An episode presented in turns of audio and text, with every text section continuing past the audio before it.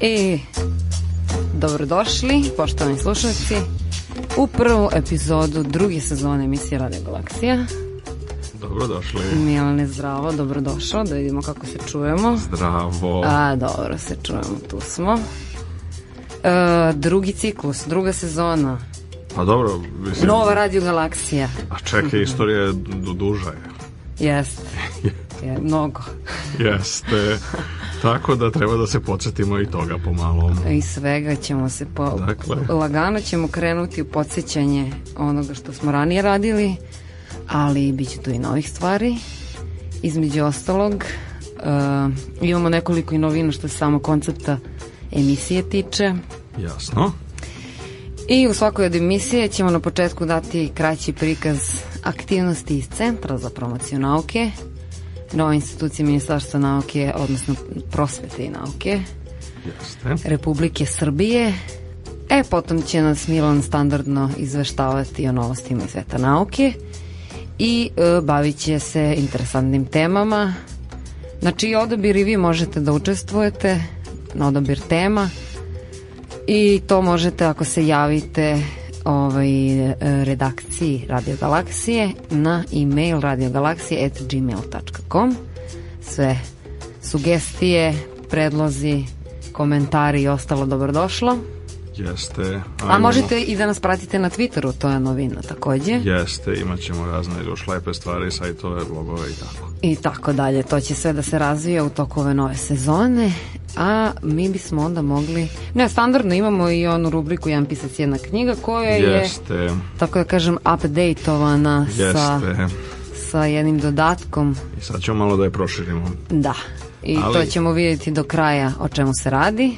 Ali, na samom početku, je ovaj, malo podsjećanje Otkuda Radio Galaksija? To, to, to.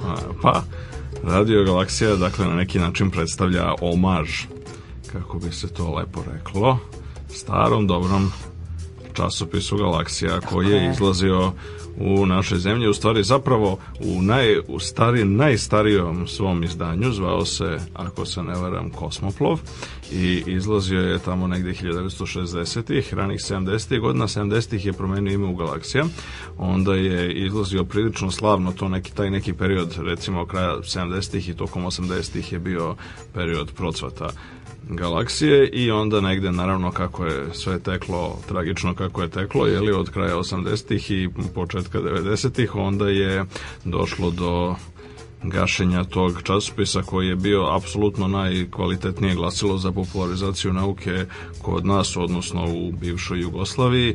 Generalno, posebno, kažem, u tom periodu krajem 70-ih, početkom 80-ih, kad ga je uređivao gotovo sad već legendarni gospodin Gavrilo Vučković. Mm -hmm. I e, on, naravno, posle toga došlo je do nekoliko pokušaja, hajde da kažemo, obnavljanja galaksije ali kao i druge stvari koje su se dešavale tokom 90-ih, ti pokušaji su bili onako više tužni ne, hm. pomalo i smešni, a više tužni, tako da se to nažalost nikad nije obistinilo u potpunosti i jedna od stvari na koju mi ovaj put želimo da ukažemo našoj javnosti jeste da uprkos pokušajima brojnih entuzijasta s vremena na vreme mi u našoj sredini sadašnjoj nemamo ni jedan ozbiljan štampani časopis koji će se baviti popularizacijom nauke na redovnoj osnovi. Tako da ta, hajde da kažemo tako, mislim zove treba da se podsjećamo na uspomenu stare galaksije, tako da smo to rešili svoje vremeno kad smo s ovim konceptom i počinjali pre oko tri godine. Pa da, znači, krajem 2008. 2008 da. Jeste, ovaj, rešili smo, zaključili smo da je na neki način dobro da već u samom naslovu podsjetimo na tu jednu bitnu praznu, jeste, na bitnu instituciju da. istorijski, a takođe i na praznu nišu koja postoji danas u našoj, našoj aktuelnoj medijskoj sceni. Ali eto, u drugoj formi stiže Radio Galaksija? Jeste. Naravno, Radio Galaksija je interesantna po tome što, dobro, ne samo što se naravno emituje na radio, nego Radio Galaksija kao pojam u astronomiji je, je jedan je. interesantan pojam o kome smo govorili na samom početku, dakle pre tri godine, a to je jedna posebno interesantna vrsta galaksija. No dobro, bit će prilike, mislim, zove da se vratimo a generalno ovaj, nauci o galaksijama u nekoj od narednih emisija. Tako je. E, pa dobro, onda možemo i da pređemo na na ove, pošto e, nova sezona ide ide pod e, pokroviteljstvom Centra za promociju nauke e, stvaraju se te kolaboracije mhm. pravi, o, o, o, grupišemo se pra, valjda će ne, e, biti nekog dobrog rezultata na kraju ovaj, grup, grupisanjem različitih elemenata institucija i ovih ovako pojedinačnih aktivnosti I e, što se Centar za promociju nauke tiče i vesti koje dolaze odande, možda je najaktuelnije to da je juče zapravo on obeležio godinu dana svog postojanja. Čestitamo vam. 23. Da, novembra. A jedan od glavnih ciljeva centra je da angažuje i poveže sve članove društva, od ono istraživačkih instituta i fakulteta preko medija i finansijera do građana i da na taj način dublje integriše nauku u svakodnevicu. Ako, kako se to sve postiže, pa pre svega neophodno je da građani budu naučno pismeni, to je da mogu da razumeju i prate naučne teme i dostignuće u tehnologiji. I pošto centar želi da učestvuje u formiranju generacije koji će na ovaj način moći da gradi stavove o svetu koji ih okružuje, Centar za promociju nauke je veliki broj svojih aktivnosti usmerio prema najmlađima i tokom te prve godine rada centra e, organizovano je nekoliko događaja u kojima je učestvovao veliki broj dece različitih uzrasta i spomenut ćemo samo neke radionice koje su održane, a to je na primjer klinci u kosmosu u kojima se, su deca imali priliku da pro, e, bukvalno prođe onu simulaciju hodanja po mesecu. E, to sam nešto video, e. to je bilo u tržnom centru Ušća, ako jest, se ne varam. Neš, jest. To je bilo, ja mislim, jedna od prvih aktivnosti. Aha, dobro. Da. E, pa da, to, ja, na javne trgove, kao, mm -hmm. bacimo nauku na, u, na trgove. pa da vidimo šta će se desiti. Ajde, vidimo. e, tu su oni takođe učili o planetama, astronomiju su zavolili na danima otkrića, to je bio noćni kamp na kom je pa skoro hiljade dece osnovaca e, učestvovalo na različitim naučnim, bilo je ja mislim predstavljeno osam naučnih disciplina i tu su one bile prikazane na neki zabavan i interaktivan način. E, centar takođe afirmiše i aktivno učešće koja omo, omogućuje u radionicama geometrije oko nas, gde su deca pravila oblike od slamki, onih slamčica i podmetača. Uh, Onda, Gde se to održavalo? E, to je bilo u, na Kolarcu, ali Aha. dole u, u, u onom galerijskom prostoru. To je bilo interesantno zato što su ljudi sa ulice mogli da vide šta se dešava unutra i onda su tako i ulazili. I on, to je u stvari taj, taj nekako možda i najbolji način da se to ovaj, ispromoviše, samo promoviše sebe, tako da kažemo. E, zatim su bili dani nauke. Tu su uh, se deca starim Rimom upoznavala iskopavajući predmete na rekonstruisanom arheološkom nalazištu. Potom je bio događaj noć istraživača i tu je CPN predstavio svoje dva eksponata e, kod kockocikl i harmonograf. Kako ti to zvuči? pa zvuči prilično, prilično interesantno. Hajde, valjda, mislim, zove, valjda i radi. Valjda i radi. Uh, Deca i zainteresovani stariji građani naravno su se provozali na biciklu sa četvrstastim točkovima, to je taj. da. I tu su naučili da tako neobično prevozno sredstvo može da se kreće ukoliko ima adekvatnu podlogu. Ipak e, a onda su kreće. to to, a onda su iste noći crtali uz pomoć klatna na on, harmonografu. A, ovaj predstavljajući znači. to kao jedinstvo nauke i umetnosti tako da i taj aspekt bio pokriven. E, a onda se centar predstavio na sajmu knjiga i tu je bilo izloženo nešto oko 800 izdanja iz oblasti nauke. Na štandu se našli i originalni primjerak knjige uh, Isaka Njutna, Matematički princip filozofije prirode iz 18. veka. Na sajmu je održana i promocija knjige o arhitektonskom koncert, kon, e, konkursu i to je zapravo ujedno prvo izdanje Centra za promociju nauke. Šta se još dešavalo u toku prve godine nadamo se rada. Da će biti još, nadamo se da pa, što se izdanja tiče i tu... To bi sada trebalo, ima, da. Tu ima jako mnogo prostora za rad. Tu, tu možemo i tu, e, da damo neke predloge, naravno, i to u sklopu emisije, a to ćemo do kraja emisije imati ono, jednu dodatak rubrici. CPN je u toku prve godine svog rada odobri i sufinansiranje velikog broja projekata naučno-istraživačkih organizacija – i sam započeo nekolicinu koji za cilj imaju popularizaciju i osavremenjivanje nauke u Srbiji.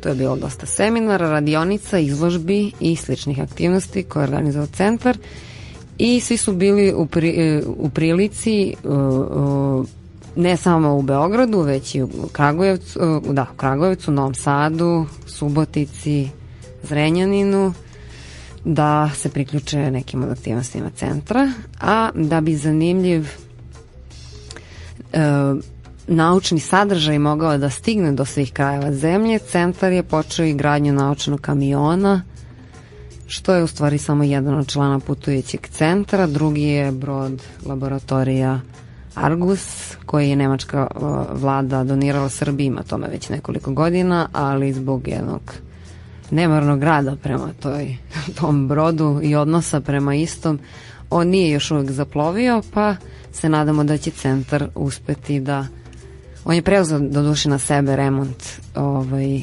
tog nepokretnog i broda i valjda će nakon popravke moći da plovi i vrši ispitivanja vode. Najnoviji je razvijen sadržaj centar i internet portal i to možete da pogledate na cpn.rs i na kome se i ova emisija Radio Galaksije ima svoj svoju stranicu i tamo ćete moći da preuzimate emisije i da ih preslušavate uh, u vidu podcasta. I to bi otprilike bilo to što se Centra za ovog uvodnog dela uh, vesti o Centru za promociju nauke tiče, a mi da vidimo šta ima novo u svetu nauke. Pa ima svašta novo, mm. o, recimo da, hajde za početak, mislim, zove, ubacimo jednu novost koja je relativno aktualna, a novost je da se Phobos Grunt javio, dakle, ovaj, dakle sad Da li će biti nešto od njega ili ne, e, možda neki slušalci ovaj, prate čitavu dramu, mislim da je vezano za ovu vrlo interesantnu svemirsku misiju. E, dakle, sve u svemu, mislim da je e, ruska sonda, mislim da je namenjena istraživanju Marsa, a pre svega njegovog satelita Fobosa pod nazivom Phobos Grunt u bukvalnom prevodu bi bilo Phobos tle, pošto mislim Grunt je na ruskom tle zemljište. Tako da je zapravo to jedno od najambicioznijih, ako ne i najambicioznija a, misija za istraživanje planeta koju je do sada lansirala a, Ruska svemirska agencija Roskosmos. A, dakle, međutim, međutim, nažalost, nažalost, sonda je lansirana 9. novembra tekuće godine, znači pre nešto malo više od dve nedelje e, i e, nažalost došlo je do problema. Naime, ona je uspešno ubačena u zemljinu orbitu, nakon čega je trebalo po protokolu da se upale njeni sobstveni motori i da se prebaci na orbitu oko Sunca koja će je ako da je sve bilo kako treba dovela do Marsa, mislim, zove nakon jedno desetak meseci putovanja. Međutim, kako stoje stvari, nažalost, e, originalno, kada je trebalo da bude, znači odmah nakon lansiranja 9. E, novembra se e, sonda jednostavno iz zemljine orbite nije javila i s njom nije mogla biti uspostavljen kontakt, te shodno tome nije mogla izdati naređenje da napusti zemljinu orbitu i um, ta, ta neka vrsta vanrednog stanja, mislim, zove traje od sad pa, od tada pa do, pa do danas i u danima se sonda nije javljala i ljudi su na neki način već izgubili nadu da će misija moći uopšte da se nastavi A, dobra vest koja je stigla juče jeste da je sa misijom uspostavljen kontakt. Sad je nagradno pitanje e, koje pokušavaju zajedno naučnici mislim, iz celog sveta, znači sad na spasavanju uspešno za sada, mislim, zove, eto, kažem, jedan mali korak je učinjen, ponovo uspostavljen kontakt sa, sa sondom, a na tome uspeju zajednički rade ruski, evropski i američki naučnici, tako da a, je stvar u tome da se pokuša pronaći kvar. Ako je kvar samo softverske prirode kako mnogi pretpostavljaju, onda bi on mogao učitavanjem novih instrukcija sa zemlje da se ispravi i da se onda ipak bude upućena na svoju misiju.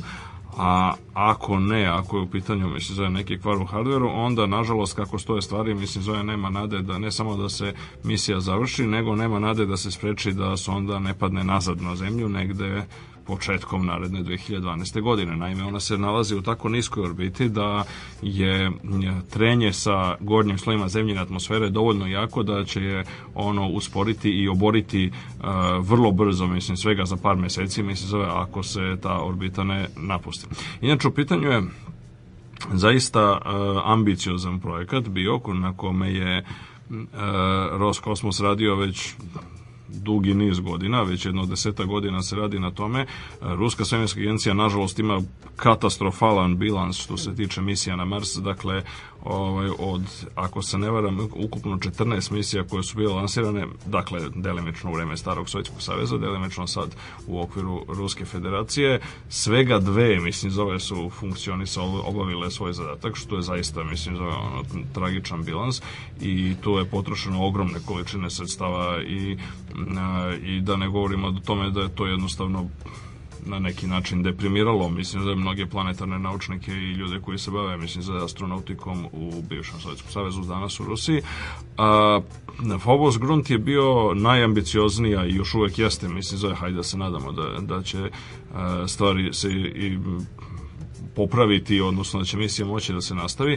A, naime, on imao zatak da ne samo da uđe u orbitu oko Marsa, nego i da se, se spusti na površinu Marsovog satelita Fobosa. Mm. Dakle, Fobos je veoma mali objekat, on je nekih 10 kilometra. To je zapravo zarobljeni asteroid iz asteroidnog pojasa koji je, kao i drugi Marsov satelit Deimos, to su zarobljeni asteroidi koji su nepravilnog krompirastog oblika i koji, čija je gravitacija praktično zanemariva.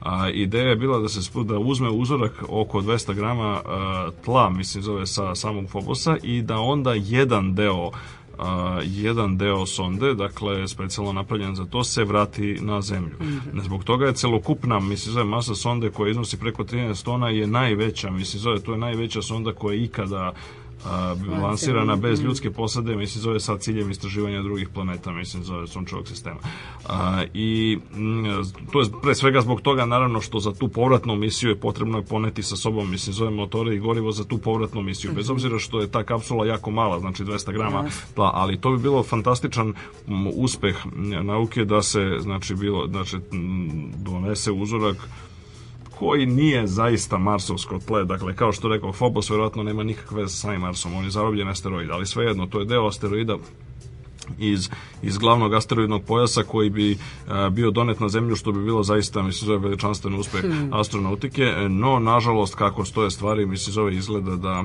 da je da se za sada mislim zove smo je sonda zaglavljena u toj niskoj orbiti da li će mislim zove uspeti opet kažem u pitanju je drama koja se odvija bukvalno i sa sata u sat da se osposobi za nastavak misije ili ne ostaje da se vidi ali ono što jeste dobro hmm. jeste da se nakon ono sa velikim zakašnjenjem, mislim, nakon ono 15 dana, mislim, zove se sa sondom je uspelo da se uspostavi kontakt, pa sad vidjet ćemo kako će dalje da se odvija Zanimljivo. situacija. Pre nego što prođemo na neke druge mm -hmm. e, dešavanja i novosti, možda da malo zasviramo. Može.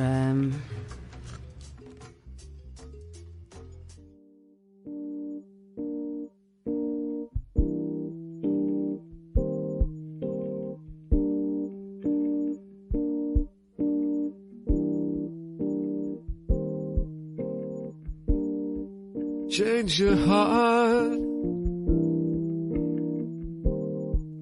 Look around you.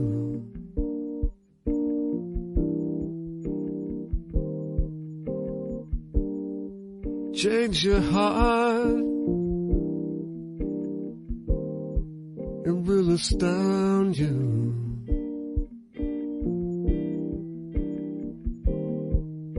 And I need your love. sun.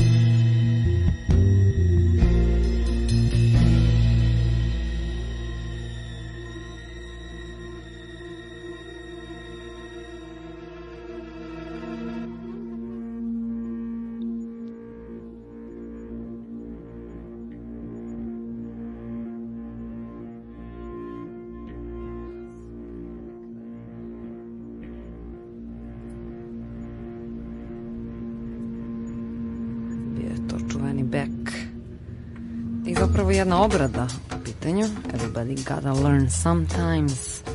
A mi se vraćamo na vesti iz nauke. E, da. Aha. Dakle, šta je to što je ovako u čistoj nauci e, uzbudilo duhove relativno skoro? Pa, jedna od stvari koja, se, koja je svakako može da pretenduje na tu ulogu jesu kontroverzni rezultati u vezi sa prostiranjima neutrina. Dakle, pre nekih par meseci mi mislio su prvi put se na poznatom arhiv repozitorijumu e, radova, studija, pregleda i tako dalje, mislim preprinta pre svega iz fizike, znači to je čuveni legendarni sajt koji se nekada nazivao Los Alamos preprint arhive, a sad se zove samo Arxiv sa X. Oh, ovaj, dakle, je, je, to je veoma interesantna, da, da. veoma interesantan jedan projekat o kome možemo da govorimo naziv. detaljnije u jednoj, od, u jednoj od narednih emisija, pošto je to na neki način predstavlja model i blueprint na osnovu kojeg vidim da u poslednje vreme i druge nauke, ne samo Aha. znači fizičari, nego i drugi pokušavaju da organizuju što bržu i što efikasniju diseminaciju i širenje naučnih rezultata. E, dakle, tamo mi se obično prve stvari pojave na arhivu i to je nešto gde se prvi put pojavilo, znači pre jedno par meseci, se e, pojavila i sugestija, hajde da kažemo indikacija ekstremno, ekstremno spekulativne i dramatične prirode da su neki neutrini koji su posmatrani u laboratoriji u, na, znači zapravo između naputanje između e, CERNA u Švajcarskoj i e, laboratorije Gran Sasso u jednom tunelu ispod planina u Italiji, dakle na jednoj, na jednoj trajektoriji koja otprilike ima nekoliko stotina kilometara su dakle jedan tim, e, odnosno kolaboracija pod Uh, E, teatralnom, dakle, skraćenicom, ali to je ono što se generalno naučnici vole, opera, je, ovaj, je tvrdila da je, su neki predivni rezultati ukazuju da su neutrini se kretali brže nego što bi smeli, odnosno brže od svetlosti i to kroz otprilike oko 700 km stenja. E, to je nešto što je naravno podiglo veliku prašinu i uzrokovalo veliku boru u naučnim krugovima, naravno još mnogo više u medijskim što možda posebno treba prokomentarisati zato što smo to imali prilike da vidimo kod nas, to jest jednu potpuno bizarnu krajem septembra najviše ove godine, jednu bizarnu medijsku histeriju koja je E, bila izazvana ovim rezultatima o neutrinima ili neutronima kako je većina novinara pisala se pisalo i bulaznilo sve i svašta iz najrazličitijih razloga delimično i uglavnom zbog potpunog naučnog neobrazovanja domaće medijske javnosti i zbog toga što u Srbiji otprilike nema jednog i po naučno kompetentnog i naučno pismenog novinara, pa shodno tome smo imali prilike da pročitamo sve moguće i nemoguće gluposti u dnevnim glasilima i to su se utrkivali ko će više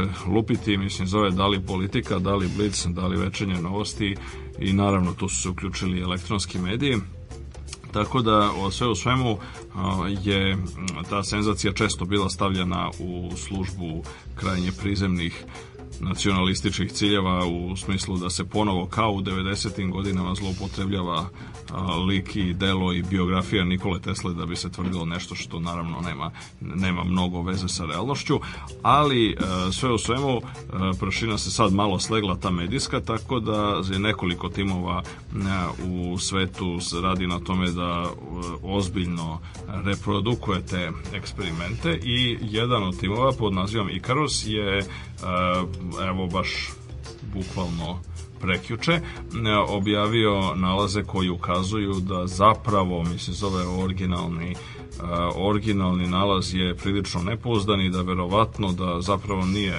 došlo mislim zove do premašivanja brzine svetlosti u propagaciji neutrina, a, a sa druge strane e, u Physical Review Letters, dakle najugledniji svetski časopis za, za fiziku bez ikakve ozbiljnije dileme, je objavio e, vrlo interesantan rad koji su potpisali Andrew Cohen i Sheldon Glashow, a pri Sheldon Glashow je možda našim slušalcima je poznat, on je dobitnik Nobelove nagrade i jedan od e, otaca takozvanog elektroslabog objedinjenja, odnosno zajedno sa on je podelio Nobelovu nagradu sa Stevenom Weinbergom mm -hmm. i mhm. Abdusom Salamom za uspešno izgradnju teorije takozvane elektroslabe interakcije koja objedinjuje znači klasičnu elektromagnetnu i slabu interakciju i to je jedan od velikih uh. a, postignuća i koraka napred na putu ka potrazi za onime o čemu se odavno sanja i mašta, to jest onome što se naziva objedinjena teorija polja ili objedinjena teorija sila ili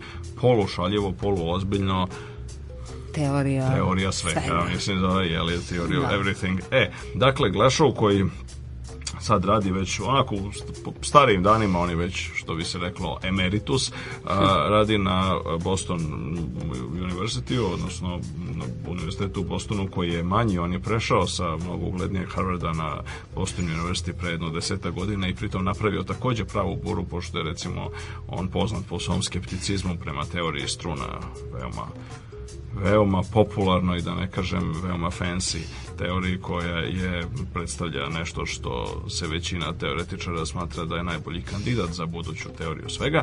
E, dakle, Glešov i mm, njegov saradnik Andrew Cohen su objavili radu u najnovijem Physical e, Review Lettersu, e, veoma kratak, svega tri strane, Physical Review Letters inače objavljuje samo, kao što mu ime kaže, mislim, zove samo, što bi se reklo, pisma e, ovaj, uredniku ili, znači, jako kratke radove i komentare na bitne stvari, događaje i tako to. Da, da, U, da, da neko ovome, to može da pročita.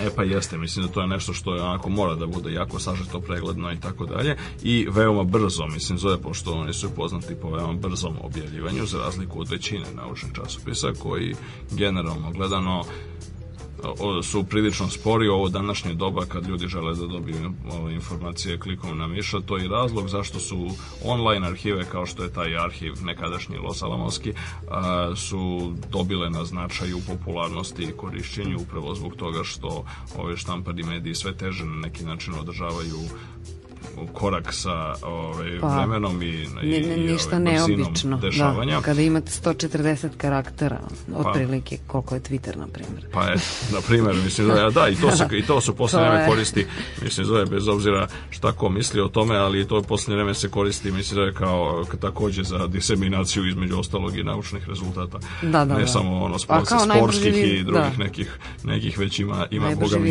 i, ovaj, ima i, i, i, i naučnih tvitova bez obzira koliko to čudno delovalo. Ima, ima, ima. ono što je, međutim, ono što su, dakle, e, rad, e, e, dakle, Glešova i Koena je nosi naslov kreacija parova ograničava superluminalno kretanje neutrina. E, i sad, kao što ime kaže, dakle, oni su zapravo razmatrali jednu teorijsku primedbu, mm -hmm. hajde tako da kažemo, na rezultate koji bi e, indicirali da se neutrini mogu kretati superluminalno, odnosno brže od brzine svetlosti u vakumu, odmah da naglasimo, da izbegnemo kontroverze koje naravno novinari nisu bili u stanju da razumeju, e, ovaj, čisto usred, mislim, mm -hmm. kognitivnih ograničenja, a to je da e, zapravo ne radi se o tome da se premaši brzina svetlosti u nekom medijumu, vazduhu, vodi, bilo kamenu, kom, bilo da. čemu drugom. E, to nije nikakav problem. To se standardno dešava, pritom se emituje e, čerenkovljevo zračenje i čitav niz drugih zanimljivih fizičkih procesa se dešava kada imate čestice koje se kreću brže nego što se svetlost kreće u nekom medijumu. Svetlost se u svakom materijalnom medijumu kreće sporije nego u vakumu, zato i e, razlika je izražena čuvenim indeksom prelamanja ili indeksom refrakcije koji nam zapravo govori koliko puta se svetlost kreće sporije, na primjer u vazduhu ili vodi u odnosno onu brzinu svetlosti koja je fundamentalna fizička konstanta i koja manje više koincidentalno, mislim zove i slučajno se podudara sa tim kako se e, svetlost kreće, pa sad kroz veoma razređene sredine. Sad neko će reći realni vakum nigde ne postoji. To je tačno, mislim zove možda negde u međugalaktičkom prostoru, ali čak i tamo postoji nekakva materija. Tako mm. da tako da i tamo zapravo postoji nekakav bez obzira koliko mali indeks prelamanja e, tako da pogotovo recimo u međuzvezdanoj materiji u, e, u našoj galaksiji, u mlečnom putu recimo materiji koja se nalazi među zvezdama, da je ona bolja od bilo kog laboratorijskog vakuma koji smo mi u stanju da kreiramo, to svejedno ona postoji i može se čak i izmeriti koliko svetlost putuje sporije od, efektivno od brzine svetlosti u vakumu, krećući se kroz međuzvezdani medijum, opet ponavljam, jako je on prazniji nego bilo koji laboratorijski vakum. Jednostavno na zemlji hm. nismo u stanju da ispraznimo e, čak ni nekakvu laboratorijsku posudu, cilindar pruvetu, bilo šta, e, do te mere dokoliko je prazan međuzvezdani prostor unutar naše galaksije.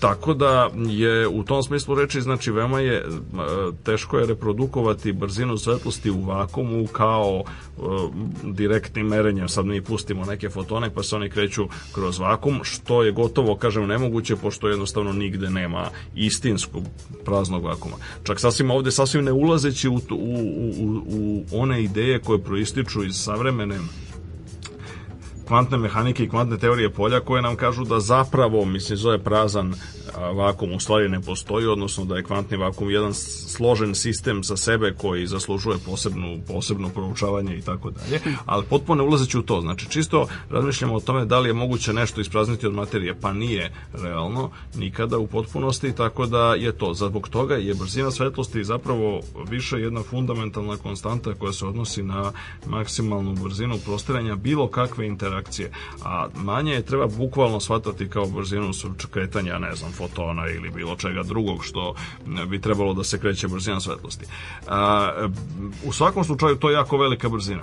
Kao što Cohen i Glešov pokazuju, dakle, kada je se bilo šta kreće jako velikom brzinom, onda bi trebalo da dođe do onog procesa koji se naziva nastanak ili kreacija parova. E, šta to znači? To znači, misle, da najmanja interakcija nečega što se kreće, mislim, recimo neutrina, koji se kreće jako velikom brzinom, pa sad da li je brže, bliskom ili nije. malo, malo da. manjom da. ili malo većom od brzine svetlosti, nevažno, bi trebalo da izazove stvaranje znači iz tog kvantnog vakuma već pomenutog koji se naravno nalazi unutar materijalnih objekata i unutar stena, unutar stola, nas samih i mhm. tako dalje. Svuda imamo vakum, znači između na kraju krajeva najveći deo i nas samih je prazan prostor između atoma se nalazi po definiciji vakum.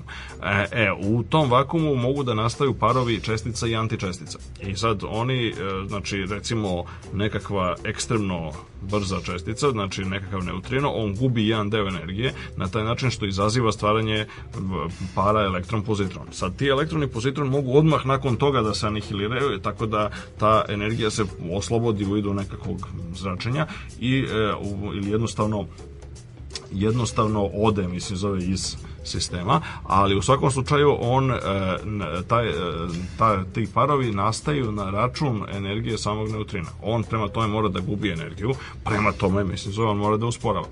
I sad, kada je se uzme pa se izračuna kako, koliko brzo taj proces treba mm -hmm. da, mhm. da se desi, onda e, ispostavlja se da m, e, Sheldon i Cohen pokazuju da zapravo gubitak energije je tako veliki, mislim da a, u uslovima u kojima je zadat e, eksperiment koji je izvela kolaboracija opera, oni zapravo ne očekuju da bi uopšte mogla da se detektuje da superluminalna brzina, mhm. pošto čak i kada bi se ona pojavila na, ajde da kažem, početku putanja neutrina, oni bi dovoljno brzo oslabili, tako da ne bi mogli da proizvedu takvu razliku od 25 delova u milion koliko je tvrdnja. Mislim, da je ta tvrdnja recimo da taj efekat je otprilike 25 delova u milion. Jako mali efekat, ali merljiv savremenim instrumentima, mm -hmm. jeli. E, I naravno, e, dakle, e, dakle, Kojeniš i Glešov dakle, daju jedan teorijski argument protiv interpretacije e, objavljenih potaka kao superluminalno kretanja, a naravno oni sugerišu i takođe kakvi bi eksperimenti mogli uskoro da pruže nove podatke i da postave nove granice oko toga da li je super luminalno kretanje čestica moguće ili ne i to su super kamiokande u Japanu, to je poznati neutrinski detektor koji mm, je smešten duboko ispod japanskih Alpa i koji je jedan od najimpresivnijih naučnih instrumenta današnjice, a takođe postoji eksperiment, odnosno detektor poznat kao Ice Cube, mm, koji, odnosno kocka leda, koji takođe koji koristi e, detekciju, odnosno propagaciju neutrina kroz led. Super kamiokande je ispunjen tečnom vodom, a ovde imamo led.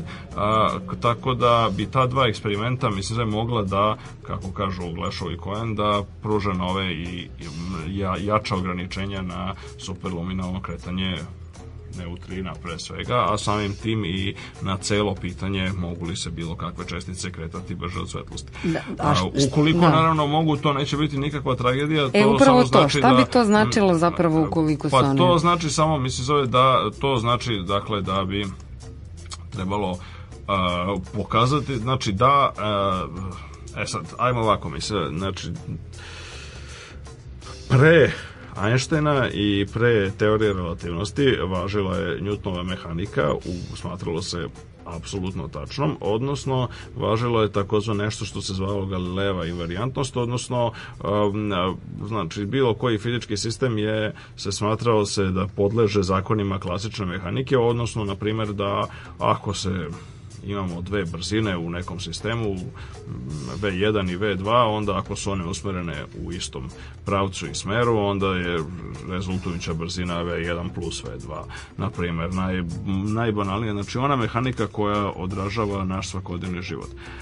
A, sa pojavom teorije relativnosti pokazalo se da ta takozvana znači nepromenljivost u odnosu na zakone klasične mehanike, mhm. što se inače tehnički zove Galilejeva invariantnost i odgovarajuće promene kada mi hoćemo pređemo iz jednog koordinatnog sistema u drugi se zove Galilejeva transformacija, a e, Einstein je to zamenio teorije relativnosti, to je pokazuje da je Galilejeva transformacija ispravna samo za male brzine, a, koje su male u poređenju sa pomenutom fundamentalnom konstantom C, odnosno koja se interpretira obično kao brzina svetlosti u vakumu, a onda ako hoćemo da imamo opšti slučaj, onda imamo novu vrstu transformacije koja se zove Lorencova transformacija po velikom holandskom fizičaru Einsteinovom savremeniku i saradniku Hendriku Antonu Lorenzu.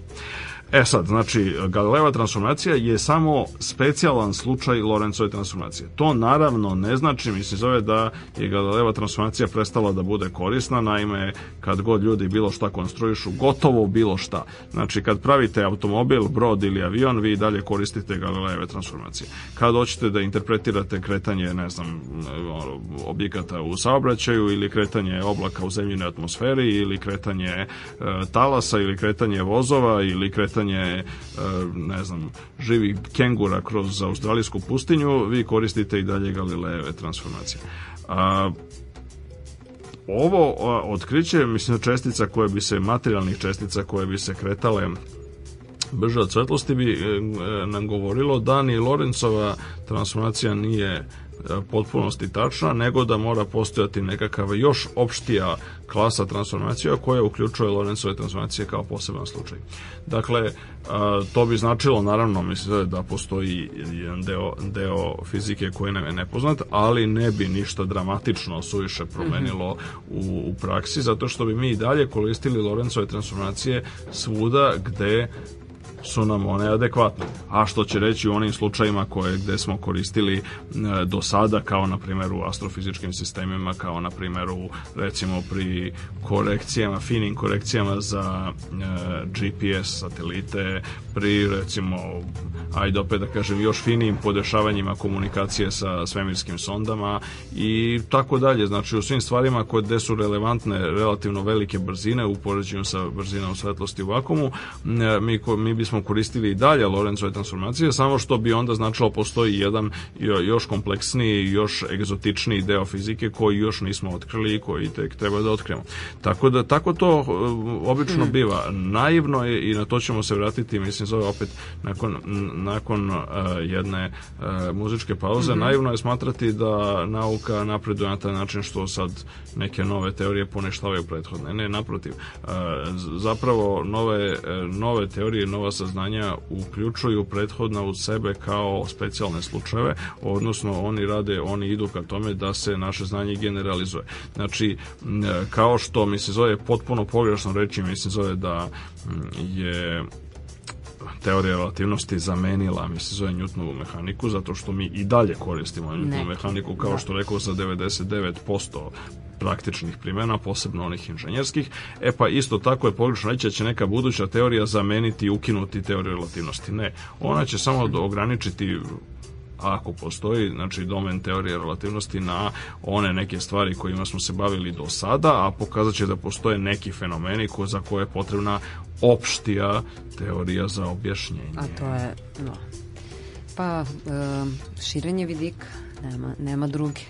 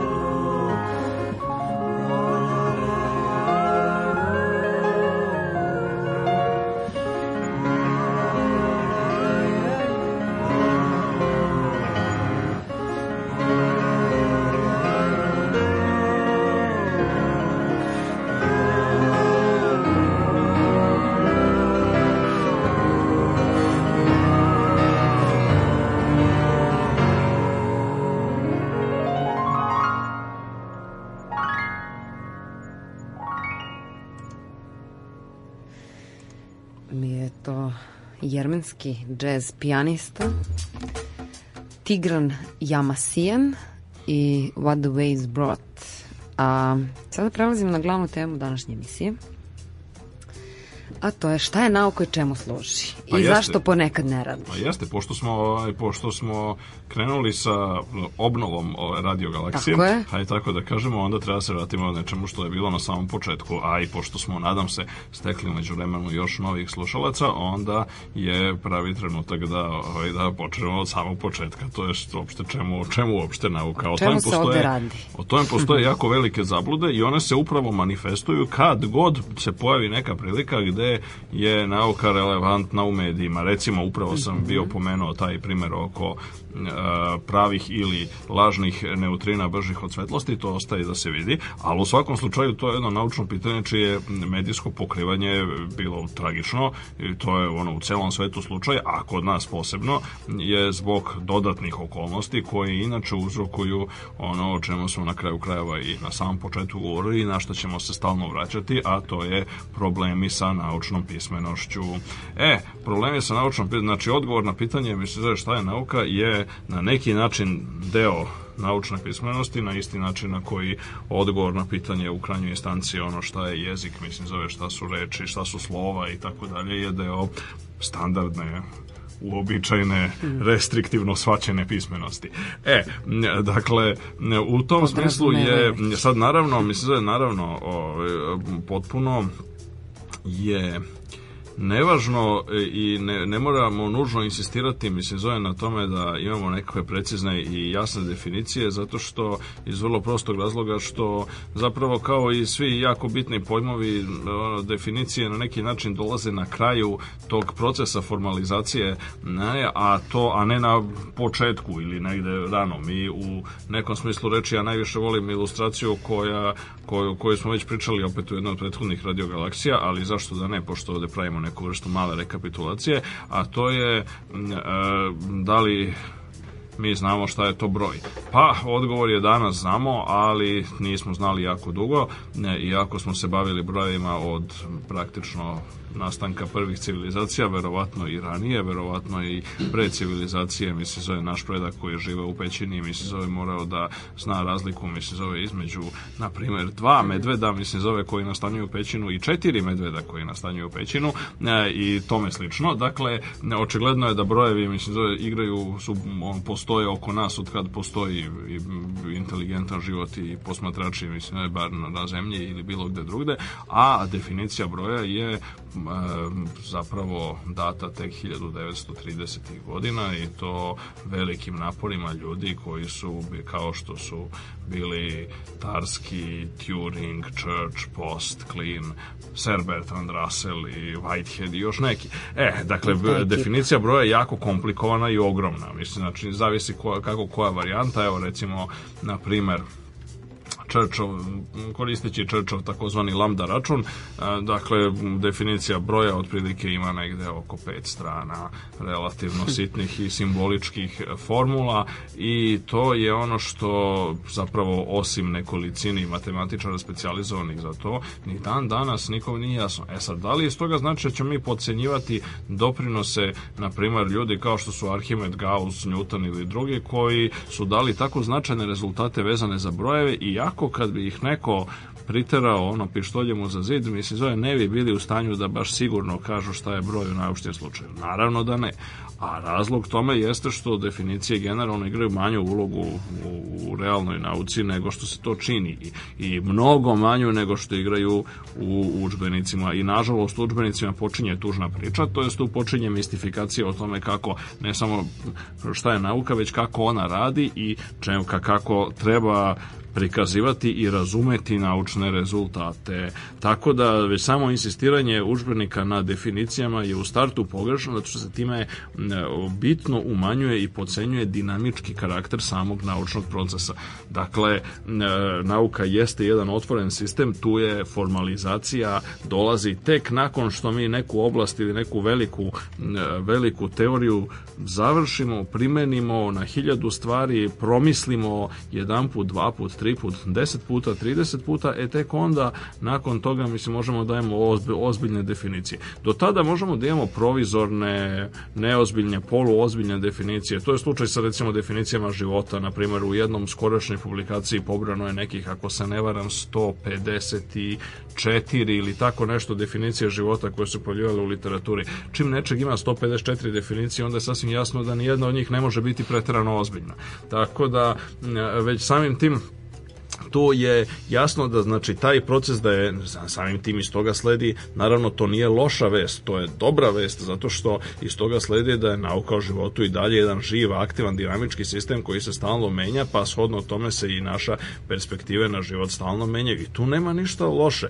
Mislim, problem jeste nastaje u tome kada ljudi u nauci traže ono što ona ne pruža, a to je nekakvu izvesnost, sigurnost, pouzdanost, apsolutnu istinu, plemenitu potragu za ono, zauvek božanski datom istinom, to sve sa realnošću nauke nemamo baš nikakve veze. I osnovni, e, osnov, osnovni rezultat, haj tako da kažem, poslednjih nešto malo manje od stotina godina u sagledavanju nauku, toga što nauka jeste u teoriji saznanja, u onima što se naziva epistemologija, dakle oblast filozofije koja se bavi problemima saznanja, Znači ono što je najveći korak je upravo napuštanje starog pozitivističkog i e, pozitivističke ideje da e, su naučni iskazi isto što istiniti iskazi. Drugim rečima da se u, u prevodu da se nauka bavi iznalaženjem istine. A, ta tvrdnja je e, znači ne samo, ne samo što je ona pogrešna u tom smislu što mislim svako od nas može da navede gomilu naučnih iskaza koji zapravo nisu istiniti a, mi imamo slučajeve da su se čitave oblasti, mislim zove, nestajale sa, na, u 19. veku se smatralo i mi ne treba sad da smatramo da smo mi pametniji ljudi u 19. veku koji su, na primer, verovali, proučavali na fakultetima, otprilike studirali nešto što se zvalo frenologija. Frenologija je kvazi nauka koja a, je imala za cilj, ajde da kažemo onako krajnje pojednostavljeno i karikirano govoreći da iz oblika ljudske lobanje pojedinca, mislim zove dete da izvede njegove psihološke osobine. Dakle, to je e, danas očigledno jasno kvazi nauka i ono danas se praktično više zaista niko živi, mislim zove čak ni najekstremniji e, kvazi naučnici se ne bave redko će reći da se, da se bave ili poštuju ili cene frenologiju. Međutim, u 19. veku to se učilo kao nauka. Isto tako kao što u 19. veku postalo nešto što se zvalo naučni rasizam. Tada su ljudi tvrdili da imaju naučne argumente, I mi ne treba da osporavamo to u kontekstu tog doba da su jednostavno rase različite i da postoji hijerarhija, mislim postoje više i niže rase među ljudima. To da danas znamo da je pogrešno, ali ne zbog toga, mislim, zove što mi danas, ili i ne primarno zbog toga što mi danas imamo e, nekakve van naučne, na primjer, moralne razloge da smatramo da je to pogrešno, nego iz prostog razloga što je napredak nauke pokazao da ono što se tada smatralo naučnom istinom, to više nije. Pa shodno tome, naučna istina ne može biti ono što se tumači kao istina u svakodnevnom životu ili ono što je istina, na primjer, u matematici, i kao formalni sistem, znači nezavisno od aspekata matematike kao nauke, kada mi kažemo da je 2 plus 2 jednako 4 istina, onda treba da budemo svesni toga da to nije zbog toga što mi imamo nekakvu vrstu empirijskog iskustva o tome. Znači, ljudi obično potpuno pogrešno, i to je jedan od izvora, mislim, zove stalne konfuzije, od izvora zabludu do pogledu toga šta je nauka. Ljudi misle da je 2 plus 2 jednako 4 zbog toga što su uzeli dva krompira i dodali još dva krompira i onda su izbrojili i utvrdili da imaju četiri krompira. To je vrlo pogrešno. Znači, 2 plus 2 nije jednako 4 ni zbog kakvog empirijskog uh, istraživanja. A, jer uze, mislim najlakše razumeti zašto postoje dva razloga zašto je taj zaključak zašto bi taj zaključak da je 2 plus 2 jednako 4 na osnovu pribravanja krompira bio pogrešan. Prvi razlog jeste što e, na taj način bismo eventualno mogli da utvrdimo istinitost iskaza 2 plus 2 jednako 4, ali se postavlja pitanje na koji način bismo onda dokazali mislim zove iskaz da je 2 da je 2 milijarde plus 2 milijarde jednako 4 milijarde. A uz sve dužno poštovanje na nema ne postoji čovjek koji je u stanju da izbroji 2 milijarde kromp, komada bilo krompira, čega. niti vjerovatno na planeti postoji 2 milijarde ili 4 milijarde komada krompira u bilo kom zadatom trenutku. Te u tom smislu je to jednostavno nemoguće ljudski život je prekratak da bi se to da, da bi se to izbrojalo, te onda bismo ima onda bismo zamislite mogli da dođemo u veoma nezgodnu i neprijatnu situaciju da tvrdimo da znamo da je 2 plus 2 jednako 4, ali da ne znamo koliko je 2 milijarde plus 2 milijarde. Dakle, to je jedan razlog zašto empirijska, mislim, zove rasuđivanje nema mesta, mislim, zove u, u e, zasnivanju matematičke istine. Drugi razlog je nešto subtilnije prirode, a tiče se toga da on zapravo zavisi od fizičkih osobina predmeta o kojima se radi. U ovom slučaju zavisi od fizike krompira. E sad, znači, krompir je čvrsto telo, pa shodno tome ako stavimo dva čvrsta tela i dva čvrsta tela, mislim da u nekim normalnim uslovima kako imamo na zemlji u našem svakodnevnom životu, onda ćemo zaista dobiti četiri čvrsta tela. Al sad zamislimo da smo recimo koristimo sisteme koji imaju drugačiju fiziku. Uzmemo dve kapljice tečnosti i, i dodamo dve kapljice tečnosti. Pa, ukoliko je površinski napon tečnosti dovoljno veliki, onda ćemo, gle čuda, od dve kapljice tečnosti i dve kapljice tečnosti dobiti pa ponovo dve kapljice tečnosti, zato što će površinski napon učiniti mislim zove da se one spoje. I shodno tome, ako je drugačija fizika sistema, onda bismo neko bi mogao zaključiti mislim zove da je 2 plus 2 jednako 2, na primjer. I to bi očigledno bilo pogrešno. Dakle, svi pokušaji da se empirijski verifikuju, mislim, zove na matematički iskazi, odnosno oni istin, iskazi za koje smatramo da su istiniti, generalno pokušaji da se empirijski verifikuje istina u nauci su ne samo pogrešni i nedovoljni u svakom konkretnom slučaju, nego su i na potpuno krivom tragu u pogledu same naučne metodologije. 2 plus 2 jednako 4 zbog toga što postoji nekakav sistem aksioma aritmetike, koje se u konkretnom slučaju zovu Peanovi aksiomi, i iz koji su neke, nekakvi vrlo jednostavni prizemni iskazi, tipa 1 je broj, od svakog broja postoji veći za jedan i tako dalje. Dakle, neki vrlo jedan. E, iz tih iskaza se deduktivno može izvesti zaključak da je 2 plus 2 jednako 4, kao u ostalom i da je 2 milijarde plus 2 milijarde jednako 4 milijarde, a da se nigde ne pozivamo na nekakvu empirijsku realnost možemo zamisliti da smo taj isti, isti taj proces dokazivanja 2 plus 2 jednako 4 mogli smo izvesti u snu, u virtualnoj stvarnosti, na nekoj potpuno ono 11. planeti sistema Zeta Reticuli, čak u nekakvom drugom univerzumu u kojem bi bili drugačiji prirodni zakoni i u kojem bi recimo ne bi postojala čvrsta tela, na primjer, nego bi sve bili neki gasovi, plazma i tako dalje. Dakle, poenta jeste da moramo da razdvojimo te iskaze koji su isti, ono što mi nazivamo istinu u matematici, istina po konvenciji. Odnosno, mi smo se dogovorili da su nam aksiomi aritmetike takvi, pa ćemo onda ono što iz njih deduktivno proizilazi, ono što možemo da dokažemo kao teoreme, smatrat ćemo istinom. E, kao što je jasno i same, i same te priče jasno da takvih stvari u drugim naukama koje nisu matematika ne postoje. Znači, ne postoji nešto što bi, na primer, fizičar ili hemičar ili geolog ili sociolog mogao smatrati ne, neoborivim aksiomima iz kojih ćemo onda deduktivno dokazivati teoreme, odnosno neke istine.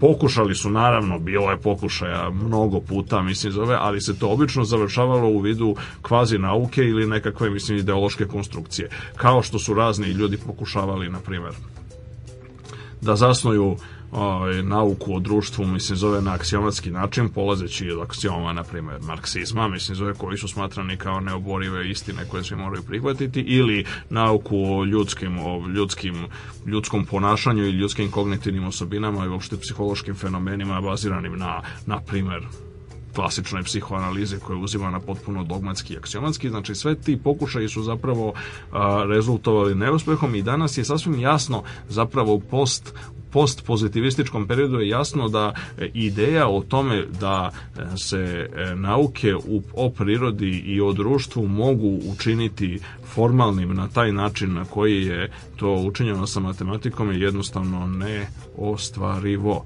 Ishodno tome ne treba tvrditi da u bilo kojoj drugoj nauci, da bilo gde drugde postoje istine koje će biti neopozive u tom smislu u kome je neopoziva istina da je 2 plus 2 jednako 4 sve druge stvari su preliminarne. Zbog toga kad se doda taj prefiks, ja lično sam veliki protivnik korišćenja termina istina u nauci uopšte, mislim, mm -hmm. znači van matematike. Ja mislim da je ono, istina je simbol u da. bulovoj algebri, istina to vam kao, je ono... Da, istina kao koncept je. To vam je ono da, te... A, ako, da, ako, ho, mislim, postoji, ako hoćemo da govorimo o naučnoj istini, onda moramo da razumemo da je naučna istina, onda moramo, znači, mentalno da napravimo pomak i da razumemo da je naučna istina slabija od, a ne jača od istine u svakodnevnom životu.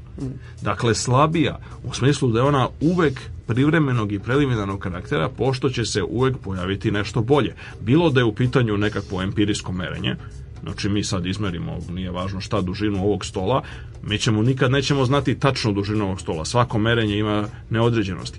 Sutra će doći pera Žika Laza izmeriti sa boljom preciznošću, on će imati bolj. Pa šta to znači? To znači da je naša naučna istina današnja će biti zamenjena, mislim, zove za 2, 3, 4 dana Perinom, Žikinom ili Lazinom boljom naučnom istinom o tome, mislim, mm. zove koliko je ovaj sto dugačak.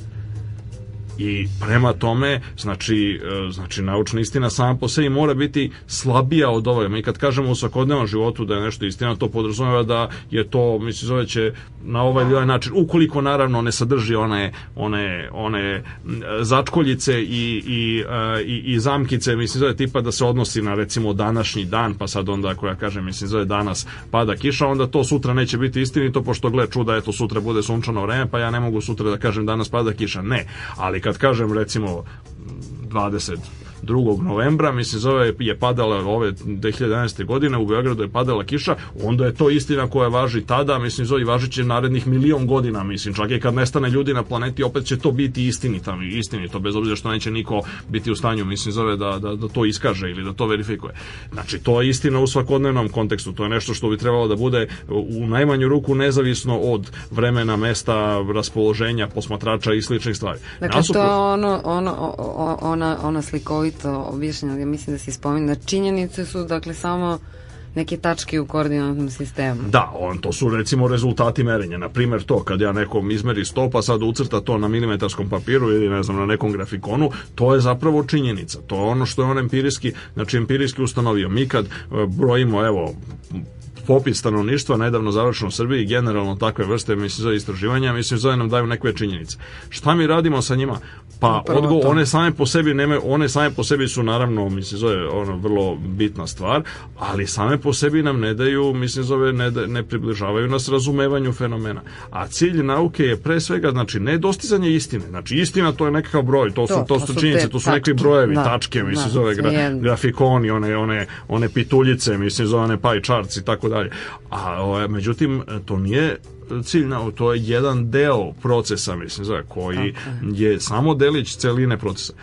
E, nauka treba da se bavi ne saznavanjem istine, pošto je to, mislim, zove ili nemoguće ili trivialno. Sad zavisi kako, znači, opet kažem, mhm. znači, kako shvatimo, zavisno se to na koji način, mislim, zove, shvatimo, konstruišemo, kako imamo, što bi rekli filozofi ovi savremeni analitički, kako imamo teoriju istine, ove, u zavisnosti toga, mislim, zove, je taj poduhvat, mislim, zove, je ili ove, relativno trivialan, u smislu u kome je, recimo, trivializovana istina u matematici tako što predstavlja deduktivno izvođenje, mislim, zove, iz aksioma, ili je nedostižan, u smislu tome u kome je recimo nedostižna metafizička istina, da li ovaj mm. svet mm. realno postoji. Pa ne, možda je ovo sve iluzija i simulacija, mislim da neka. Mi to ne možemo da znamo. Možda nas što bi rekao Dekart, mislim zove zli demon ob, obmanjuje šaljući mislim zove podsticaje sa šaljući informacije u naša čula, a prava realnost je nešto sasvim drugo, mislim. Ili možda ne postoji uopšte kao što su recimo verovali tamo oni antički sofisti e, Protagora, Gorgija i, i, i drugi protiv kojih se Sokrat borio.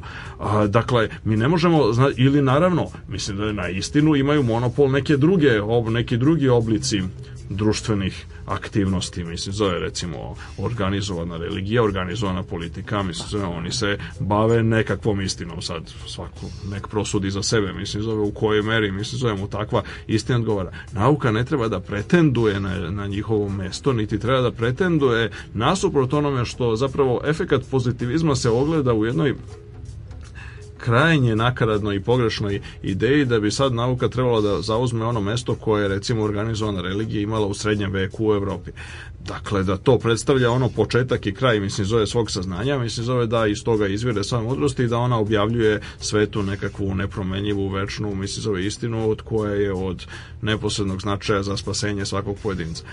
To je, naravno, duboko pogrešno i to, bez obzira što na prvi pogled se čini, mislim, zove da to sad laska nekim prizemnim impulsima koji hm. postoje, ono, kod naučnika kao i kod drugih ljudi, mislim, zove to je jednostavno na, u širem planu, u širem kontekstu, u kontekstu sa savremenog društva, mislim, u kontekstu jednog e, prosvetiteljskog ono, projekta, hajde tako da kažem, je nešto što zapravo nauci nanosi najveće štete i ta vrsta pogrešne, mislim, zove konstrukcije, mislim, zove nauke kao neče. I to onda dovodi od toga da ljudi, recimo, očekuju neke stvari koje su potpuno van naučnog domena. Znači, očekuju da im nauka, na primjer, kaže, ne znam šta treba da se, primjer, uči u školi. Pa nauka ne može da kaže šta treba da se uči u školi. Nauka u najboljem slučaju može da kaže, mislim, za kakve će biti posledice ako se umesto A, B i C uče, recimo, D, E i F.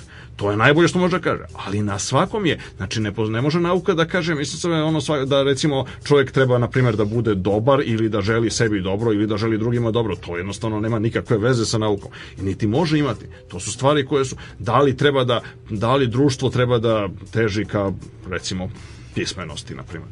Pa to je u svakom slučaju jedno metanaučno ili kao što je Alvin Weinberg, poznati sociolog nauke savremene, govorio transnaučno pitanje.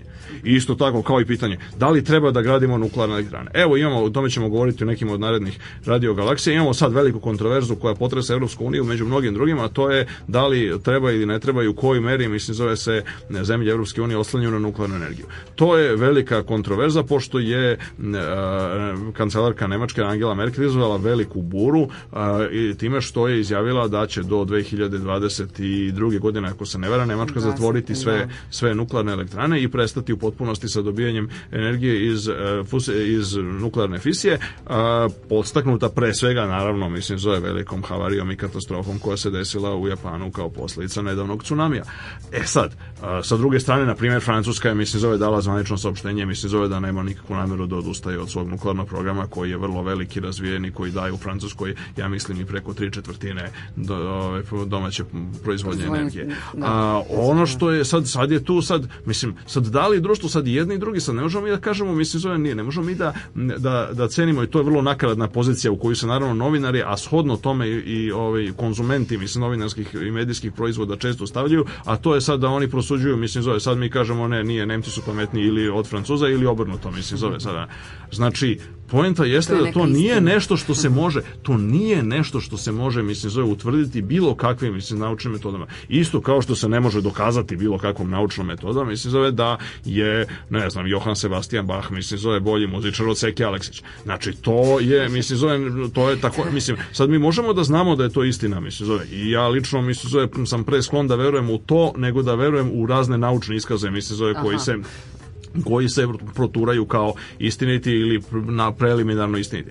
Ali Kako, kako, to dokazati? To dokazati? A to ne postoji naravno nikakav način za to. Tako da je poenta je jasna. Znači, a, ta vrsta identifikacije naučnih iskaza sa istinitim koji su pozitivisti u, posebno u tom najnovijem, odnosno 20. vekovnom izdanju logičkog pozitivizma Bečkog kruga pokušali 1920. godina poslednji mhm. put da zasnuje na neki ozbiljan način, taj projekat je doživao fijasko i taj projekat je neodrživ. I iz vrlo prostog razloga kao što e, izgleda, postoje primeri u kojima e, su naučni iskazi se pokazali netačnim ili neistinitim, a, a ima mnogih naučnih iskaza koji jesu, mislim, za istiniti. Isto tako, postoje van naučni iskazi koji su istiniti, na primjer, već pomenuti taj o, o, o Johanu Sebastianu Bahu, a i Seki Aleksić, a ovaj, postoji isto tako i postoji isto tako i van naučni iskazi koji nisu istiniti.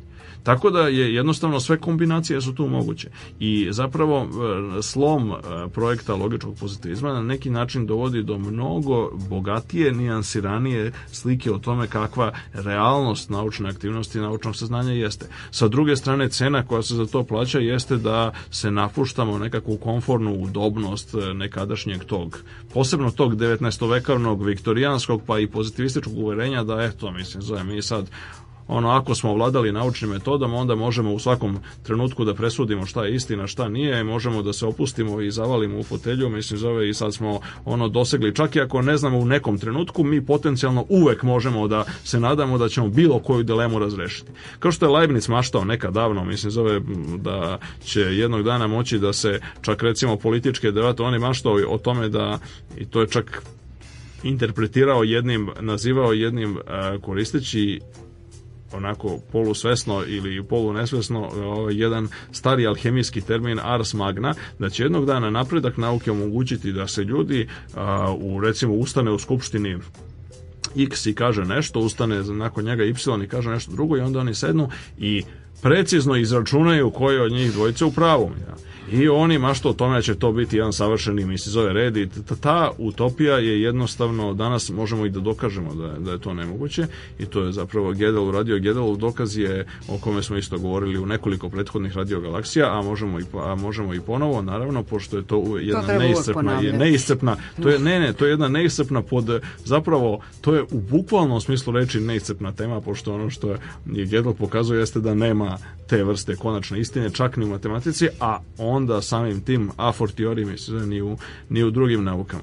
I naravno mislim da to napuštanje te konforne pozicije otežava život ljudima koji bi hteli da im sve bude lako. Pa a, dobro, a, pa da, a i dovodi posebno, do toga da se to ono sve psihologizira, upravo to. privatizuje, new ageizira, upravo hoćete, to. Ne, da. naravno, naravno. Pa, upravo, upravo to. I to ćemo da vidimo neke primere vrlo uskoro, mislim zove imamo imamo imamo recimo imamo na primjer sjajne primere iz naše e, ovaj, novije istorije o kojima možemo da prozborimo takođe par reči, ali ovaj, opet malo da zasviramo prvo. Može.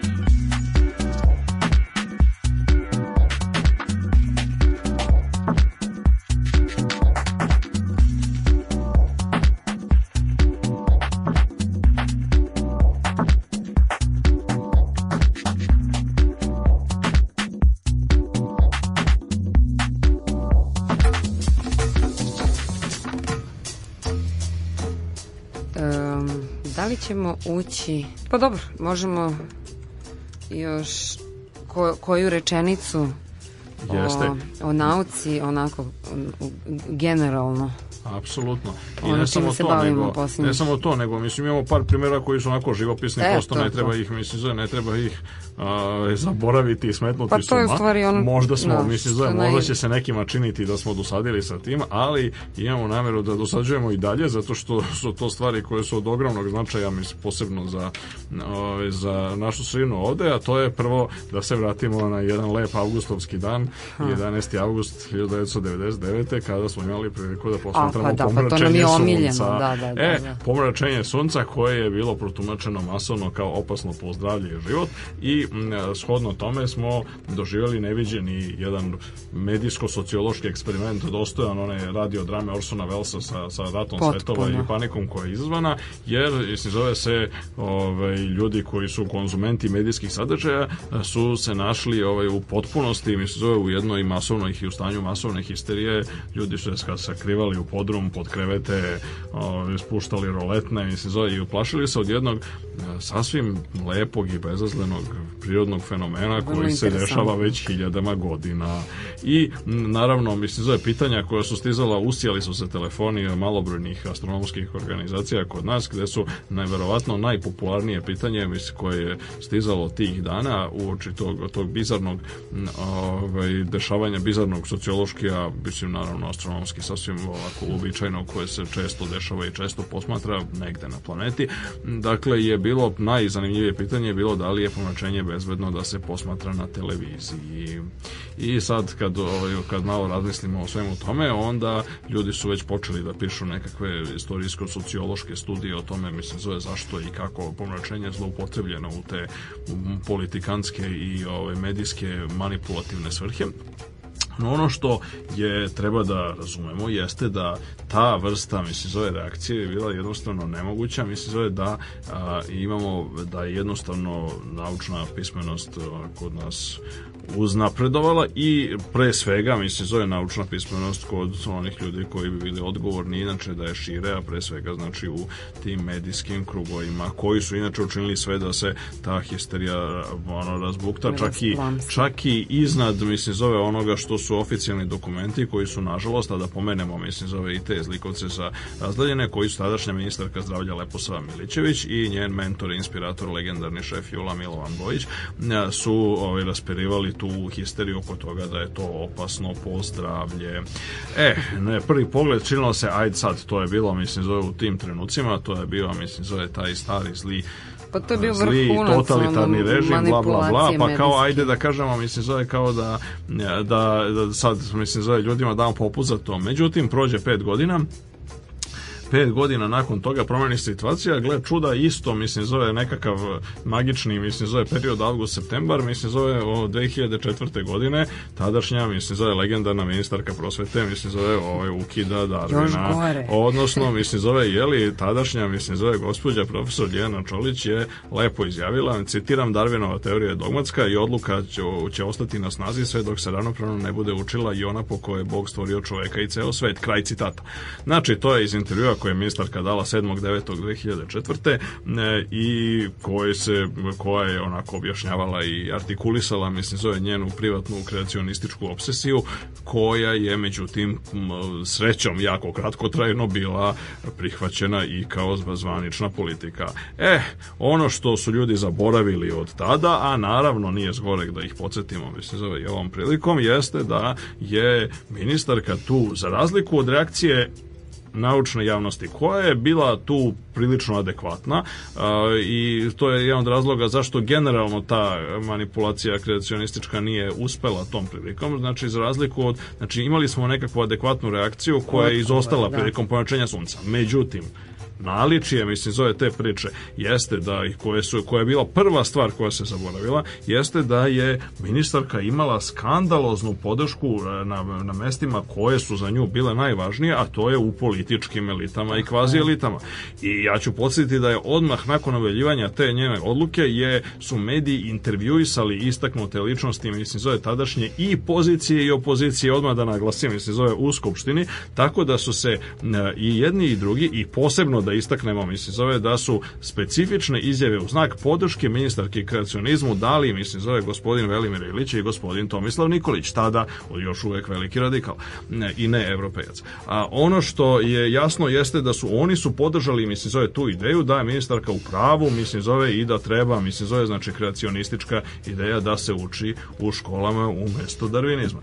E, to je ono što je naravno posle zaboravljeno, pošto je ipak reakcija naučne pa i svetske javnosti mislim zove gde je ministarka odmah došla u, bila postala velika heroina kreacionista širom sveta ovaj, posebno onih u Sjedinjenim državama koji su se stavili na sajtove i ona je ušla u, mislim sad ima, pišu ljudi neke ozbiljne akademske monografije o kreacionizmu gde se gde Lijana Čolić ima značajnu ulogu ovaj, čak u jednoj skorašnjoj istoriji čak ima i njena slika mislim zove što stvarno znači uspela je da što bi se reklo ostavi lični pečat mislim, na, na svemu tome je ona je nekih ona je ona je je desetak dana kasnije, mislim, Zoe podnela ostavku i, nažalost, kao što su pojedini kritičari iz naučnih krugova, posebno akademik Nikola Tucić koji se istakao, mislim, Zoe u a, odgovornoj i adekvatnoj e, reakciji na to, on je rekao, e, on, e, kao kao što su ljudi očeli, ona je, njoj je dozvoljeno, ona je što bi se reklo časno pod navodnicima e, podnela ostavku. Lično, mislim, zove tadašnji predsednik vlade Vojislav Koštunica je pohvalio njen rad